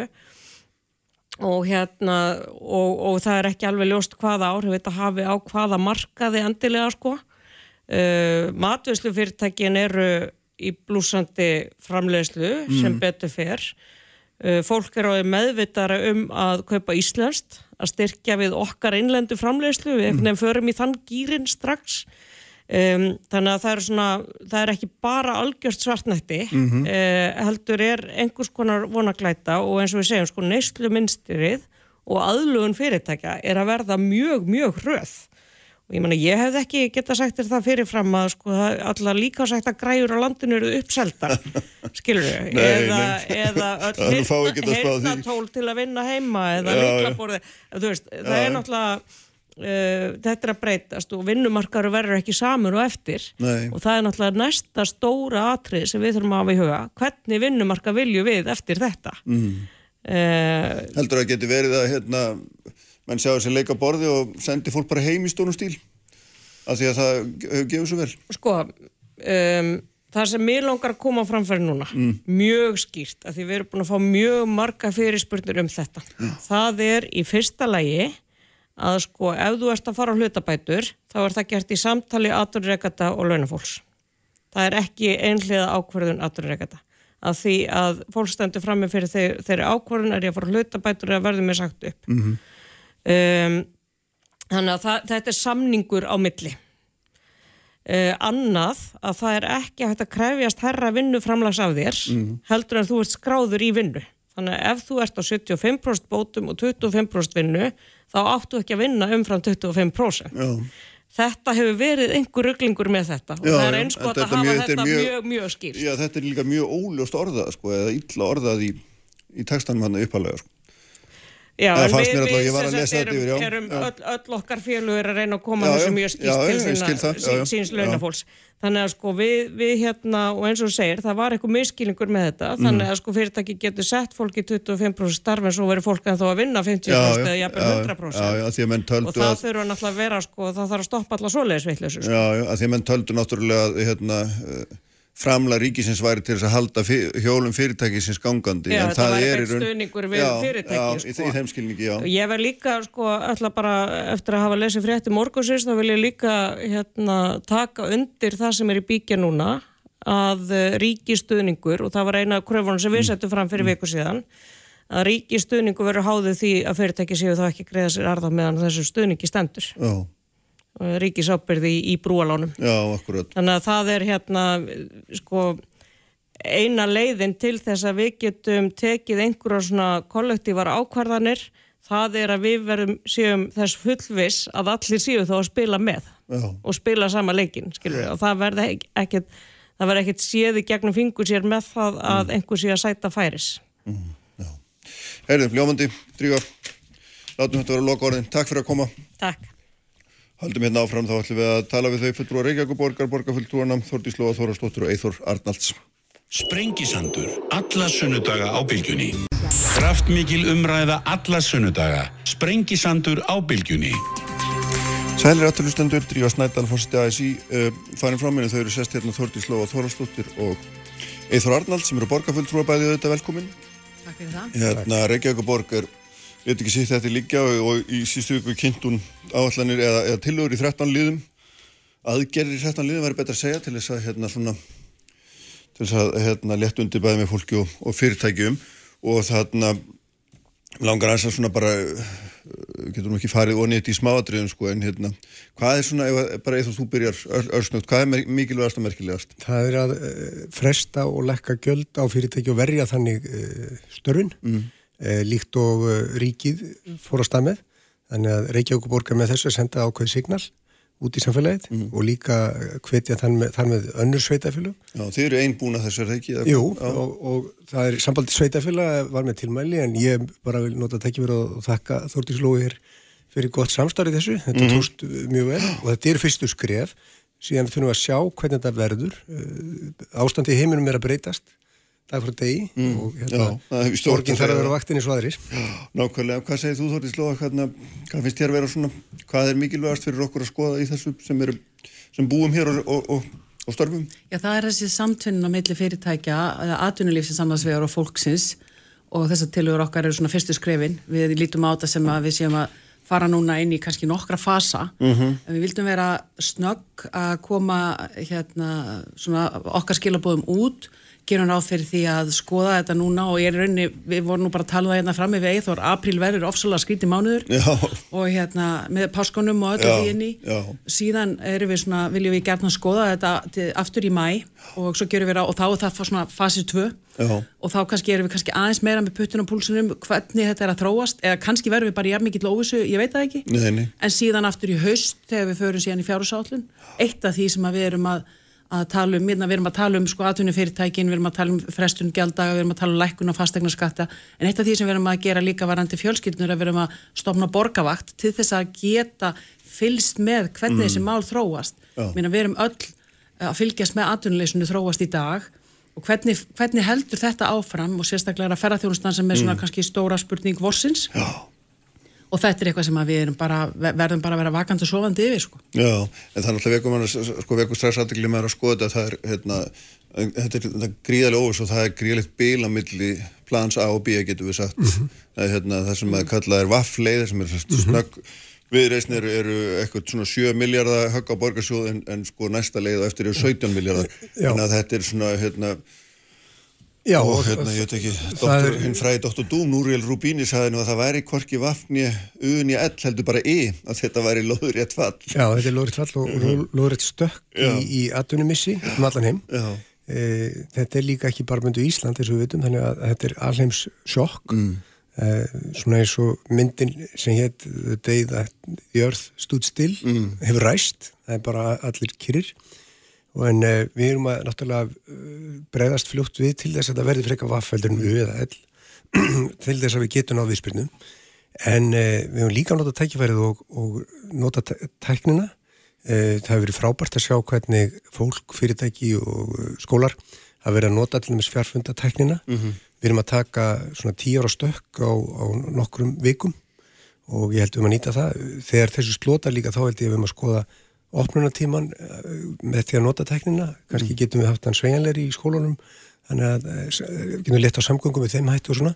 Við höfum að horfa á nýjar lausnir áður en að, að hérna, við látum þessa krísu fara til einskís Já, hérna, sko, þegar maður verið að lesa þetta í gegnum þessa, þessa 13 aðgerir eitthvað lofa, þá, hérna, þá svona margt í þessu sem að, sem að, eins og þú nefndir um sjálf, hérna, borgarvaktin, sko, sem að maður finnst svona, á ekki borgin bara vera að fylgjast með fólkinu sinu dag frá degi og, og hérna, og í mestalagi svona að vera að spýta í bara það sem hún er að gera, nýta þá ferla sem fyrir eru og svo framvegis.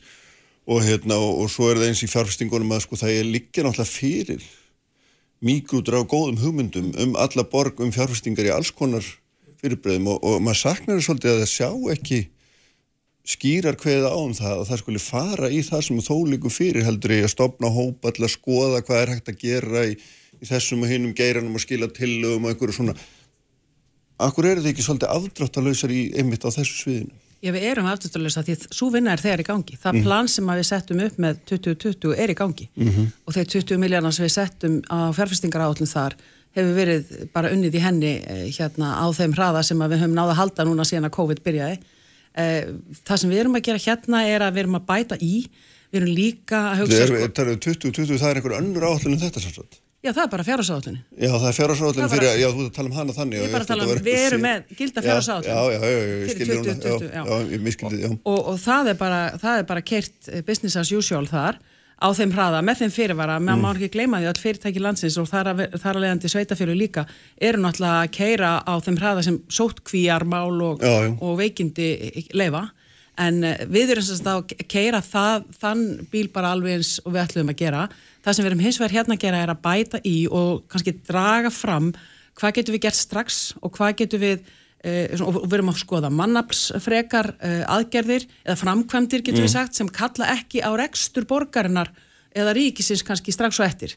En auðvitað eru samt sem að þannig verkefni líka eins og hjúgrunarheimili og talandi um það þá ætlum við seitt að því sem að eh, að því að við vorum nú, við eithorðum bæði stjórn sambandsins og erum þar að, að tala um svona fyrir hönd sveitafélagi á landinu. Það er eina aðgerð sem að við, svona köllum svolítið eftir núna frá ríkinu, það er það að virðisauka skatts uh, frádrátturinn handlum gangi líka við sveitafélagi því að Já. við getum spynt í, í hérna og verðum með góða viðspyrnu í allskins viðgerðaverkefnum og það myndi eh, sko margfaldast ef að við getum í leiðinni fengið afslátt á virðisaukarum þar því að fólk náttúrulega hérna, veit það að, að Það er þetta fordæmi fyrir því og hérna, eftir hunds árunum ekki satt. Jú, og þannig ég bara er með ákalla á, á ríkistjórnina að, að skella í það líka. Það skiptir bara verulegu máli. Við, er, þetta er svolítið skrýtni tíma. Við erum að koma út úr kreppu fyrir tíu árum síðan. Erum búin að hafa þessi ár til þess að balansera okkur til þess að fara í nýja fjárfestinga til þess að koma upp aftur í viðhaldinu sem klárlega var sett til liðar því að það fólki var sett fyrst í, í hruninu. Þannig að við erum með stappa sem við erum búin að vera að fara í gegnum í viðhaldi og þetta var ekki bara við um Reykjavík, þetta á við um allt landið. Þannig að nú er tækifæri til þess í þessu að bara droppa verðisaukaskattinu og þá geta sveitafélug farið á meiri krafti. Þannig að það er tækifæri sem er alveg augljóst. Hérna, sko, ef maður lesi gegnum hérna, umræður um Reykjavík núna síðustu vikur, mánuði, 2-3 ár, þarna, þá eru þið mikið að tala um að hérna, skuldastæða Reykjavík og borgar sé ekki góð, hún, skuldina fari vaksandi og, hérna, og hafa alls ekki verið á réttri leið. Og svo horfum maður á hérna, þetta hag líka. Já. og ertu tilbúin að, þú stendur að því samt og hikað að hérna, dæla út úr borgarsöðununa Já, sko, þetta, þetta er náttúrulega sérstakar aðstæður. Það er dýrt að, að grípa til aðgerða en það er miklu, miklu dýrar að grípa ekki til aðgerða. Þegar að svona ástæði er þar sem að atvinnlýstölunar til þessi bandaríkjunum eru sexinu meiri heldur en aðna, í einni viku heldur en mest var hérna í kringum bankarunnið mm. og þegar við sjáum síðan að 20.000 manns er að fara hérna í skýrt starfslutvall á Já. einni viku þá er uh, mikið þörf fyrir súrumni og björgunabáta og það er hlutur borgarinnar, alveg eins og ríkisins, að koma með það þó að það kosti. Því að uh, það er alveg og hérna, hilbriðsváin, hún kostar, það kostar að bregðast við, en það er miklu, miklu dýrar að gera ekkert. En varandi síðan fjármögnun, þá erum við kannski með örlíti aðra sín heldur en meirlutin, allavega uh, sumiflokkanir meirlutanum, en við myndum vilja eh, fækka verkefnum borgarinnar. Að hún væri til dæmis ekki í samkefnisregstri eins og hún er með ákveðin fyrirtæki. Ákveður er borgin í mal, mal, malbyggunastöð til dæmis og í samkefni og ætlar að fara að byggja upp nýjar slíka. Eh, ákveður er hún á fjarskiptamarka og svo framvegs eh, ég hefði talið að í kringum fjárhásállum þá reynum við kannski að vinna saman að lausnum því að forgangsmálið er að verja störfin og heimilinn og uh, þá á borgin ekki að vera í þeim verkefnum sem er ekki kjarnastarsemi Mhm. og þannig tel ég að við getum fjármagnað þetta. En síðan er lánskjör borgarinnar miklu betri heldur en, heldur en hérna út á mör- mörkinni, það er mjög erfitt hjá fyrirtækjum og eitt af því sem maður eru áhugjur af er að þó að bankarnir fái þarna suðrún til að lána þá er ekki dýst þessi viljuð til að lána. Það fer náttúrulega eftir í hvað er geta haft á móti. Já, já, Og, og þeir eru varkárir og, og þessi, þessi krepp er allt öðru seldur en bankakreppa. Þetta er, þetta er flóðbylgja sem að uh, skellur yfir heiminn og þá verðum við bara að henda út björgunarbátum og súrumni og það er það sem ég vil gera og ég vil segja þakka fyrir samstarfið aftur varandi þessar tillur en mikilvægasta setningin í mínum huga er fyrsta setningin. Þetta eru fyrstu aðgjörðir. Já, búistu við að, að sérst, með öðrum orðum að þið þurfum við að bæta hressilega í þetta eða hvernig, Já, við bara búumst við eiginlega öllu. Sko, þetta er náttúrulega búið að vera rosa sérstætt að vera sko, í þessari neyðastjótt borgarna. Mér mikið gleyma að ég leið og við erum núna að koma með fyrstu aðgerið. Þá erum við búin að vera undarferðnar fjóra vikur uh, á miljón, ef ég má segja sem svo, að passa upp á það að þjónusta borgarinnar haldist óskert. Mm Þannig erum við að tala um velferðarþjónustuna, ég menn það gerist bara á einni hendi sér veifað. Við förum frá hættu ástandi almannavarna yfir að neyðar ástand og það kalla bara á gríðalega breytingar á allri velferðarþjónustu borgarinnar. Hún er ekkert smávegis. Og svo, að- svo kemur samkomubannið og þá þarf að grípa til aðgerða og breytinga í skólamálum og leikskólamálum og frístundumálum og, og, og við erum hér í dag mörgum vikum setna en okkur vikum setna mm. og þetta er búið að vera alveg rosalegt verkefni og einhvern veginn órað okkur ekki fyrir því að við værum hér í mass þrátt fyrir það að við vorum tiltöla vel undirbúin því að við rættum þetta strax í janúar við settum allt okkar kerfi á stað í janúar. Samt einhvern veginn mm. þrátt við sé, við eigum áallanir og, og, hérna, og erum með svona uh, ramma um þetta þá er þetta einhvern veginn svo ótrúlegt ástand. Þannig að ég er alveg sammála eithori, þetta eru fyrstu aðgerðir hérna, hvað verða næstu aðgerðir? Við bara reyla vitum það ekki. Hérna, sko, við erum ofta að tala um akkur kíluvíkja og staði í framkvæmdir sko við erum með heil og hálfu sviðin sem eru kannski bara búið að loka út að sótkví þannig að þú veist það er um leið og við erum að henda súrefni inn fyrir, fyrir með peningum þá verðum við líka átt okkur á því að mannablinn og það er alveg eins með fyrirtæki í landinu alveg eins og með Reykjavík og Borg og Sveitafélug það er, það er starfsemin er mjög labil og skert af því það vantar energiið inn út af því að það er bara gríðalegu fjöldi í sótkví Það sem er einkennandi fyrir þetta áfall er hvað er skyndilegt og eh, þess vegna er svo mikilvægt að borgin og ríkið og aðri séu tilbúinir uh, í skyndilega eh, viðspyrnu tilbaka að þetta dragist ekki langin og það er eitt af því sem að ég til mikilvægast að, að við séum all tilbúin í að taka viðspyrnuna sem þjóð. Mm. og hluti af því er að, að hérna, eh, reysa aftur við ferðamanna innan og þó að það sé hérna, mikil óvisa með hvernar flýði fyrir að stað þá er Ísland kannski einn mest uh, spennandi og tröstasti áfangastæður fyrir marga einmitt eftir þessa krísu. Hér erum við með við, viðerni, uh, mikið landsvæði, hreinleika, við höfum tekið frábæla á þessum smittmálum, verið fyrirmynd í, í smittrækningu og öru, þannig að ég get alveg ímyndað mér að Ísland verði mjög spennandi ferðamannastæður þegar þessu er lokið og það er okkar hlutverk sem borgar að vera ferðamanna áfangastæður. Það er svolítið merkilegt sko hvernig mm. hegðunin breytist því að ég held að ég held að sé gríðilegt tækifær fyrir okkur sem þjóð emitt, út frá náttúrunni og út frá ferðamanna innaðinum. Mér finnst líka áhugaverð það sem ég var að heyra í fjölumölum í gær að þá var, þá var einhverja neðustur um könnum hvernig fólk er, til, hvernig fólk er að breyta hegðun sinni núna Mhm. Drífa var hérna áðan að tala um breyttan vinnumarkað eftir Já, já. COVID ég, meina, ég, ég vil hvetja okkur líka bara til að breyta okkar hegðun, meina það er ótrúlegt að vera svo borgin er náttúrulega tóma fólki núna en bara umferðin og hvað allir eru senaðir og afslappaðir og, og það er einhvern veginn svo mikið svona, hvað við segja, jafnvægi að mörgu leiti á milli fólks. Og ég meina ég bara fagna því. Mér Við stöndum, stöndum saman þegar að, að svona áfall er. Þetta er eins og snjóflúð á vestfyrum það, það þurfa allir að standa saman og er sem hérna, ég ætla, ég ætla einmitt að hérna, ræða um Ísland sem áfangastað hérna, eftir augnablik, þannig að hérna, þakka ykkur fyrir að koma báðum tveimur. Og hérna, ég heyri Jóni Kalli Ólarssoni sem er hérna, hér eftir augnablik. Kraftmikil umræða a- alla sunnudasmórna. Sprengisandur á bylgjunni. Réttir þjóðmál og pólitík. Sprengisandur á bylgjunni. Sæli hlustandur, þá erum við hérna svona á loka sprettinum, uh, þau eru farin frá mér borgarfullróðin Eithro Arnalds og Þordi Slóa Þórhalsdóttir uh, en í símanum er Jón Karl Ólason sem er nú frjúrandi fórstjóri Æslandir auðvitað og hérna samt, formaður samtaka ferðarþjónustunar og, og guðum á hvað við þetta ekki í þessum flug og ferðarþjónustu bransa sælablessaður Jón Karl. Góðan og blessaðan daginn. Hvað segir gott? Erst ekki þú út í sótkví, er það ekki? Ég er á 12. degi sótkví, þetta er mikið, mikið lífstendla. Já, ég trúi því. Og geð heilsan í þokkalegu standið eða hvað? Já, sem orða, hún, hún hangir ennþá og, og, og, og sambandið hangir ennþá. Þetta, þetta reynir mikið á þann að maður áttar sig á að maður er vel giftur og það er gott. Já, við vissum það nú svo sem fyrir hérna, og, og hérna, þú manna bestu þetta.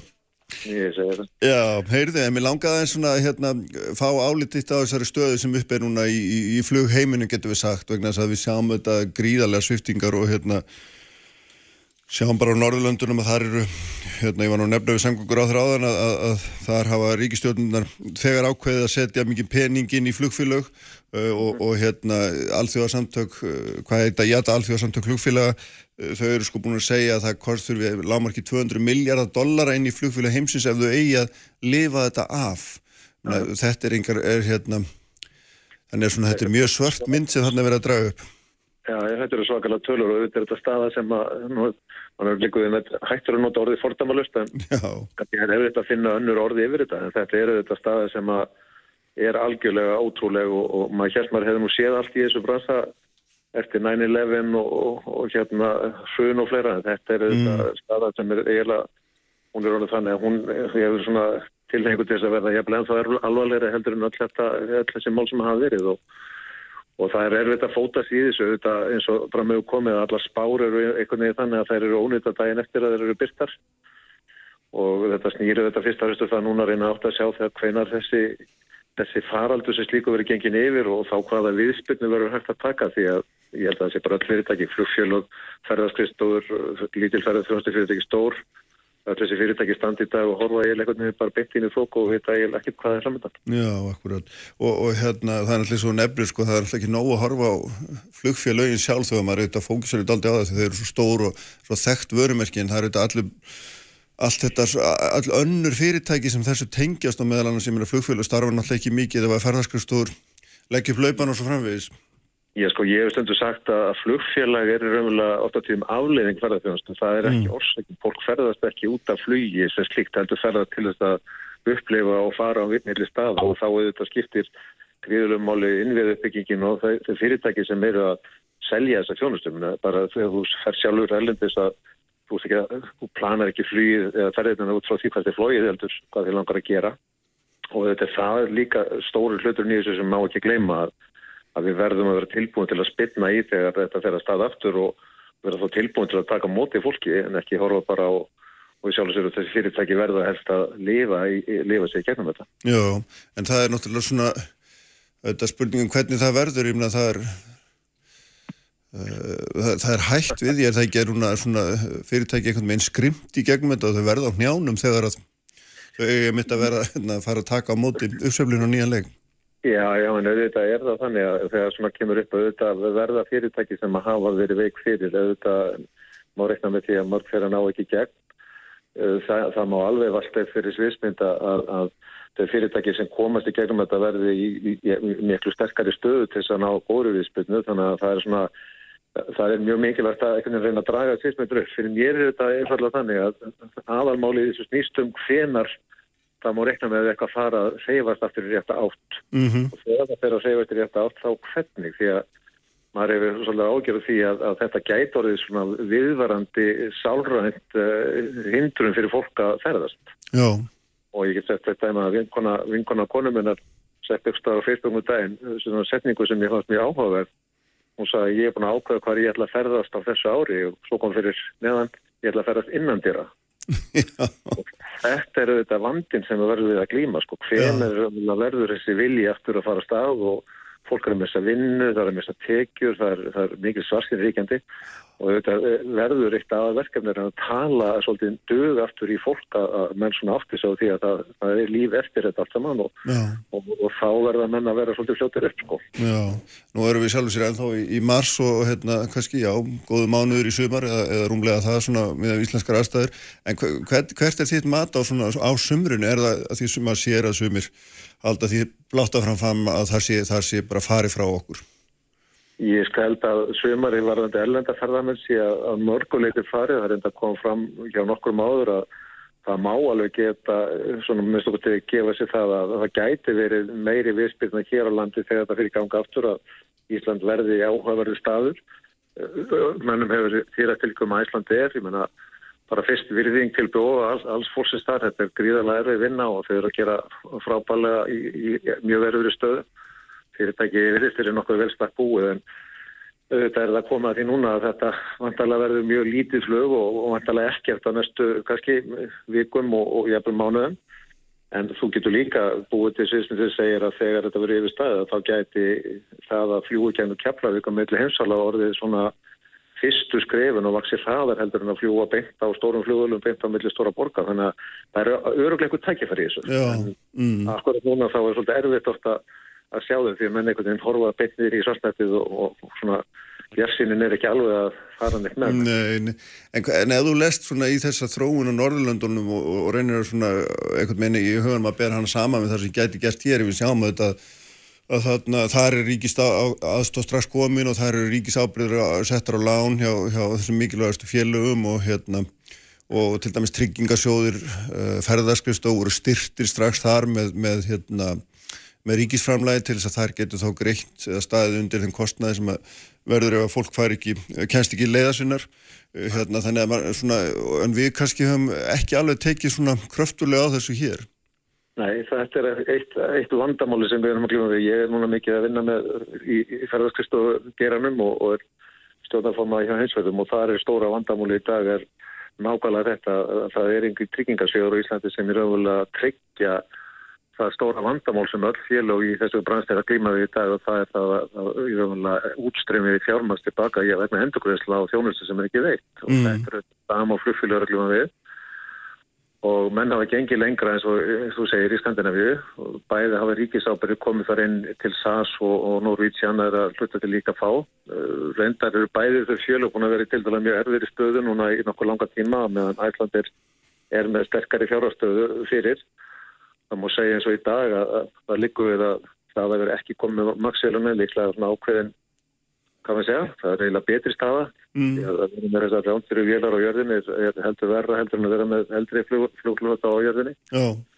en auðvitað kemur að því held ég líka að mann verða að horfa til þess að, að Æslandi er með þurfa eflust eitthvað hjálp og vantarlega fyrst í formi eitthvað skonar ríkis ábyrða eða, eða lána svipa þess að við það verið Lúftans er búin að vera að byggja um ríkisáfið líka, þannig að félag sem maður hefði aldrei látið sér dætt í huga fyrst ás líka halda, þannig að þessi stað er aftur fordamálaus og, mm. Og í raunverulega verður erfitt að sjá svona, með skotið ef þetta dregst í margamónu, þá verður erfitt að sjá eflust á bak margra þessar félaga sem ná sér ekki gennum þetta því miður. Já, maður sér á hérna fórsíðu samkjömmiseftilitsins að það er komin, hérna, er komin fréttum þar hvernig megi bregðast við í þessari stöðu ef að tilkomi hérna ríkisaðstóði að þurfa að beita henni og fólk er náttúrulega fljótt að leggja saman 2 og 2 og fá út, út hérna, fá út það að það séu samgöngur inn út úr landinu sem skiptir þar öllu máli. Hvernig tólkar þú þetta? Ég tólka þetta nú meira sem almenna nálgunni, auðvitað er þetta bara á við um alla greina því, ég menna, ferðarstyrstofunar hafa þurft að tala saman til þess að bjarga fólki heim Það er að þurft að tala saman til þess að reyna átt að svo stöðunum vegna út, út uh, greiðsluna uh, vegna þjónu sem ekki veitt og fengu heimildi þess á samkynni sigvöldu þannig að þetta er auðvitað svona þegar kemur í svona stöðu þá fara menn auðvitað að versta fyrir sig svona þáttum sem okkur þykir eðlilegir eins og samkynnislög, persónuvendarlög og flera. Ef við látum okkur dætt í hug fyrir fimm viku síðan að Það ætti að fara að setja app í síma hér á Íslandi þegar við erum fylgst með ferðum allra á þess að persónavendarlögur eru algjörlega segna brjálæri við því. Mm. Þetta breytast alla fórsendur fyrir þessu og ég tólka þetta nú frekar þannig að mann séna bara að vinna sér í hægin til þess að geta þá gripi til þeirra aðgerða sem að vættalega og hugsalega eru framöndan Mm. frekar heldur en að maður getur lesið í þetta þessi búið að taka ykkur ákvarðinu um hvað ég að gera. Ég að- ég Finnst, að mm, finnst þér svona, ég ekki hvað maður kallar, finnst þér sennilegt að maður getur orðað þannig að, að hérna, að sko að eins og Æslandir getur staðið þetta af sér bara óbreyttu, þarf ekki alltaf að leggja nýtt fíin í fyrirtæki hverju svo sem að hérna, hverju svo sem gera það með að, að hérna vélar félag sem standi bara á, á flughlaðinu kannski mánuð, sex vikur eða hvað sem að ég veit ekki hvað maður sér langt fram í tíman í augnablikinu. Ég sko við getum orðað þannig að mér hefur jafnvel þótt menn vera heldur uh, djarfir í að halda áfram flýið því að auðvitað meðan þú flýgur þá kostar það peninga líka og þetta fljúa með tóma flugular þá, þá erstu þetta að, að eitthvað leita brenna fjármagni þannig að, ég get svo sem alveg sé fyrir með stöðuna með það að þessi leið sem ríkið hefur búið með hlutastarfinu þar sem að mann geta komið stóru hluta fastakostnaði yfir í, í hvað maður segja vendaðri umhverfi og að leggja þessum eldri flugvölum og það gæti að þetta er sjálf sér staðið þetta lengur af sér heldur en mörg önnu félög mm. Ég, hef ekki nákvæmlega tímasetninguna á því og, þegar viðspilna kemur tilbaka hvernig, hvað hvort það þurfi eitthvað skona einspilningu en ég myndi þá halda að það væri þá í formi eitthvað skona lána með, með eitthvað ábyrðum sem að sem að getur þá nýtt ekkur næsta ár til þess að greiða tilbaka. Mm. Þetta heldur með að það er því raunverulega þannig að, að, að ríki þarf að leggja inn meiri peninga. Þetta eru þetta líka með bara markaðin og eigendur sem getur húsalega verið búin til að leggja meiri peninga. Þannig að þetta eru auðvitað allt saman mjög óljóst en ég held að á endanum því miður þá verður það þannig að eitthvað skonar aðstóð í formi að með til lána verði eitthvað sem við getum ekki hort fram í að þurfi til þess að, að setja hlutinni í gang aftur þegar vonandi þetta verður sem hljótast Mm. að það aftur. Sko að því út að nefna þetta að setja allt í gang aftur og þá er þetta svona strax búið að heita umtalsverðu fjármagni í markasáttak og, og hérna fjármálaráðar að hérna fyrir viku að sko ríkið ætla að setja meir í það, bara í það áttak til þess að markasetja Íslandi á nýjan leik heldur en það hérna setur, eða rekstur Íslandsdói kostað á heilu ári þannig að það er auðvitað umtalsverðu fjármunni svona allavega okkar mælikvarða en, en, en hittir auðvitað alltaf svona, menn tala alltaf út í tómið eins og það sé engir aðrir sem ætla að markasetja sér sko, þetta verður náttúrulega, þetta er eins og öllum, það þurfa allir auðvitað að fara af stað og, og hérna. Já, en þetta hefur svo sem verið þannig að það er búin að vera eins og öllum mjög lengi, ég þetta eru alla þjóðir að byggja mikið af ferðarþjónustu, mér sér það mikið hlutastlega og við kannski mest svona hlutastlega með margar aðra þjóðir. En þetta er, er, er, er búin að vera samkefnum um ferðalangan ára, árum áratugum saman og uh, ég man eftir því fyrsta skipti sem var raunverulega landkynning kom það var eftir þetta 9-11 uh, í Mm. hérna í þá voru nú menn á því að ferðarþjónust það var í búin og þetta var alltaf leiðin til já, niður í einhverja staði sem ekki vil tala um að engin myndi ferðast meir og þetta verði bara bara auðn og tóm. Þá ákvaður ekki að leggja fram verulega fjármenni í land, landkynningu og fyrsta skipti þá í nokkuð langa tíma þetta var sama gert eftir eifættijökurinn þannig að auðvitað er þetta hjálp og þetta er auðvitað algjörlega nöðsilegt að hafa þetta vilir og lofvort þannig að menn viti að þegar hlutinu fari í gang aftur að þá verði hægt að fara með einhverjum alvöru hægt út á markaðan til þess að, hvetja fólk til ferða. Því að aftur ég held að það verði í raunverulega kannski aðalmálega að, hvetja fólk bara almennt til ferða. Frekar heldur en það kannski nákvæmlega að það að koma til Íslands, ég held að það verði jafnvel meira bara að fá fólk til þess að heifa sér eftir að stað. Já, akkurat. Já, já. Hvað hva, hérna, hvað þýðir það fyrir okkur ef að, ef að, ef að sko eftir gengur að ferðamenn á Íslandi verða kannski bara 900.000 núna, já, vantlan þá næsta ári erum við að vísa til. Ég, það þýðir náttúrulega bara einfallega það að það er mikið af fyrirtæki sem munum þetta lendi vandræðum og þetta verða, það er búið ekki mikið hótelum og, ímislega þannig að það er alveg augljósmála það þarf að endur skipulegja og stokka upp mikið af, af, af þessum, þessum rekstri. Ég meina það hafa svo sem verið orðrómur um það að, að það hefði nú kannski verið komið tíma á það hvort þið var að reyna svolítið að, að, að svona kannið segja hagraða í þessum geira almennt þannig að auðvitað það að hluta til líka mannum er bara ítt út í það nöðum að viljum líka við. En aftur það auðvitað á endanum rekna mann með því að þetta þýði að það komi þá sterkari og starri og vonandi öfluri fyrirtæki sem að sem að getur þá í ykkur, ykkur krafti stærðar unni sér hraðar út úr þessu. Mm.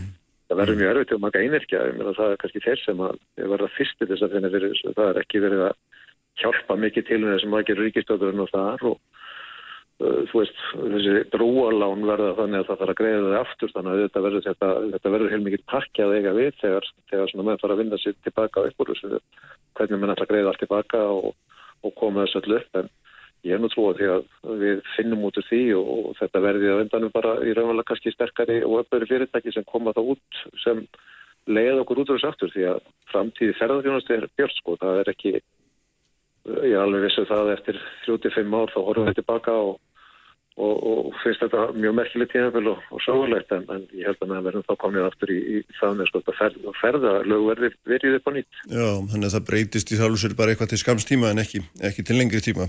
Ég er svona þannig, ég er jafn mikil spámar í þessu þú, ég, sko þetta er alltaf frekar spurning um að vona heldur en að spá. Sko. Já, ég veit.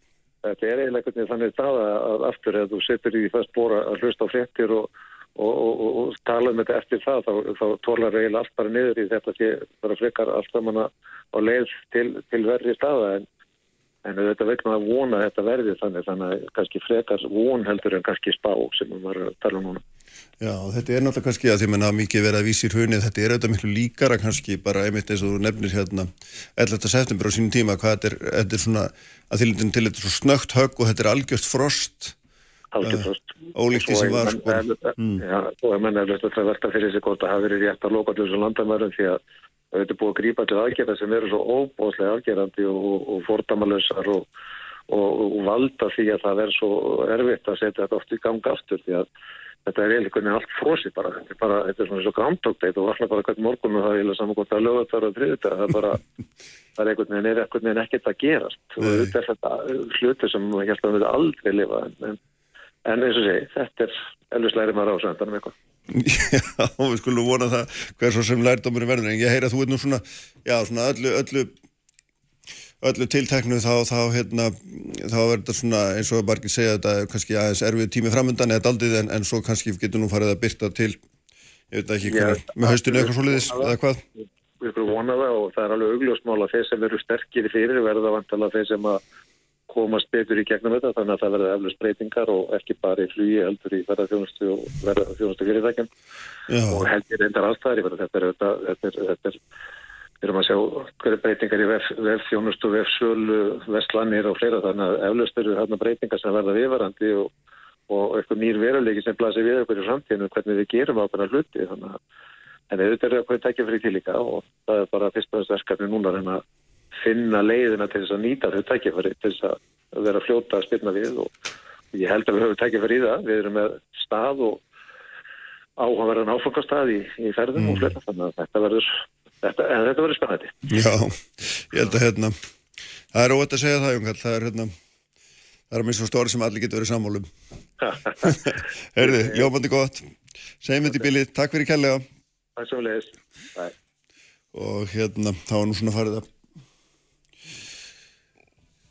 síga á loka spettin hérna hjá okkur og við verðum að fara að láta þættinum lokið. Í dag við höfum komið við að við. Sigurðin Ingi Jóhansson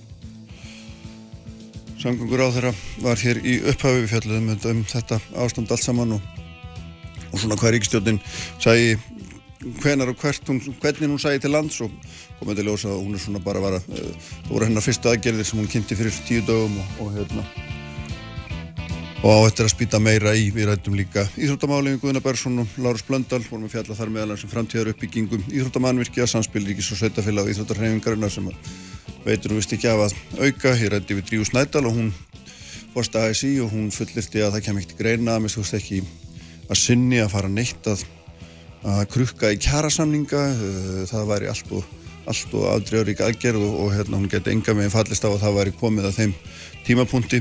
Uh, ég rætti við þau Þórti Sílóðu Þórastóttur og Eithur Arnalds borgarfulltrúa fjöldum um aðgerði Reykjavíkuborgar og, og það leiði sem borgin hefur til þess að tryggja bæði atvinnu og, og, og hérna hagstæðar umhverfi fyrir fyrirtækin og síðan rætti ég síðast hér við Jón Kall Ólarsson fyrir hönda fórstera Æslander og fyrir höndi formann samtaka ferðarþjónustu fyrirtækja, samtaka fyrirtækja í ferðarþjónustu vorum þetta fjallum Ísland, Ísland sem áfangastæði framtíðin en líka þetta svona hvernig við haldum upp í samgöngum og hvaða möguleika væri á því að ríkið þurfti að koma þar með einhverjum hætti inn Þetta var sérst allt á dagskrá hér á Sprengisandurum í dag og við verðum að láta þættinum loki núna. Ívar Jóhann Haldarsson stýrði útsendingu af venju, allt efni má finna á bilgjarn.is og vísi.is og sjálfur verði ég með ykkur aftur eftir vikum. Verðið sæl.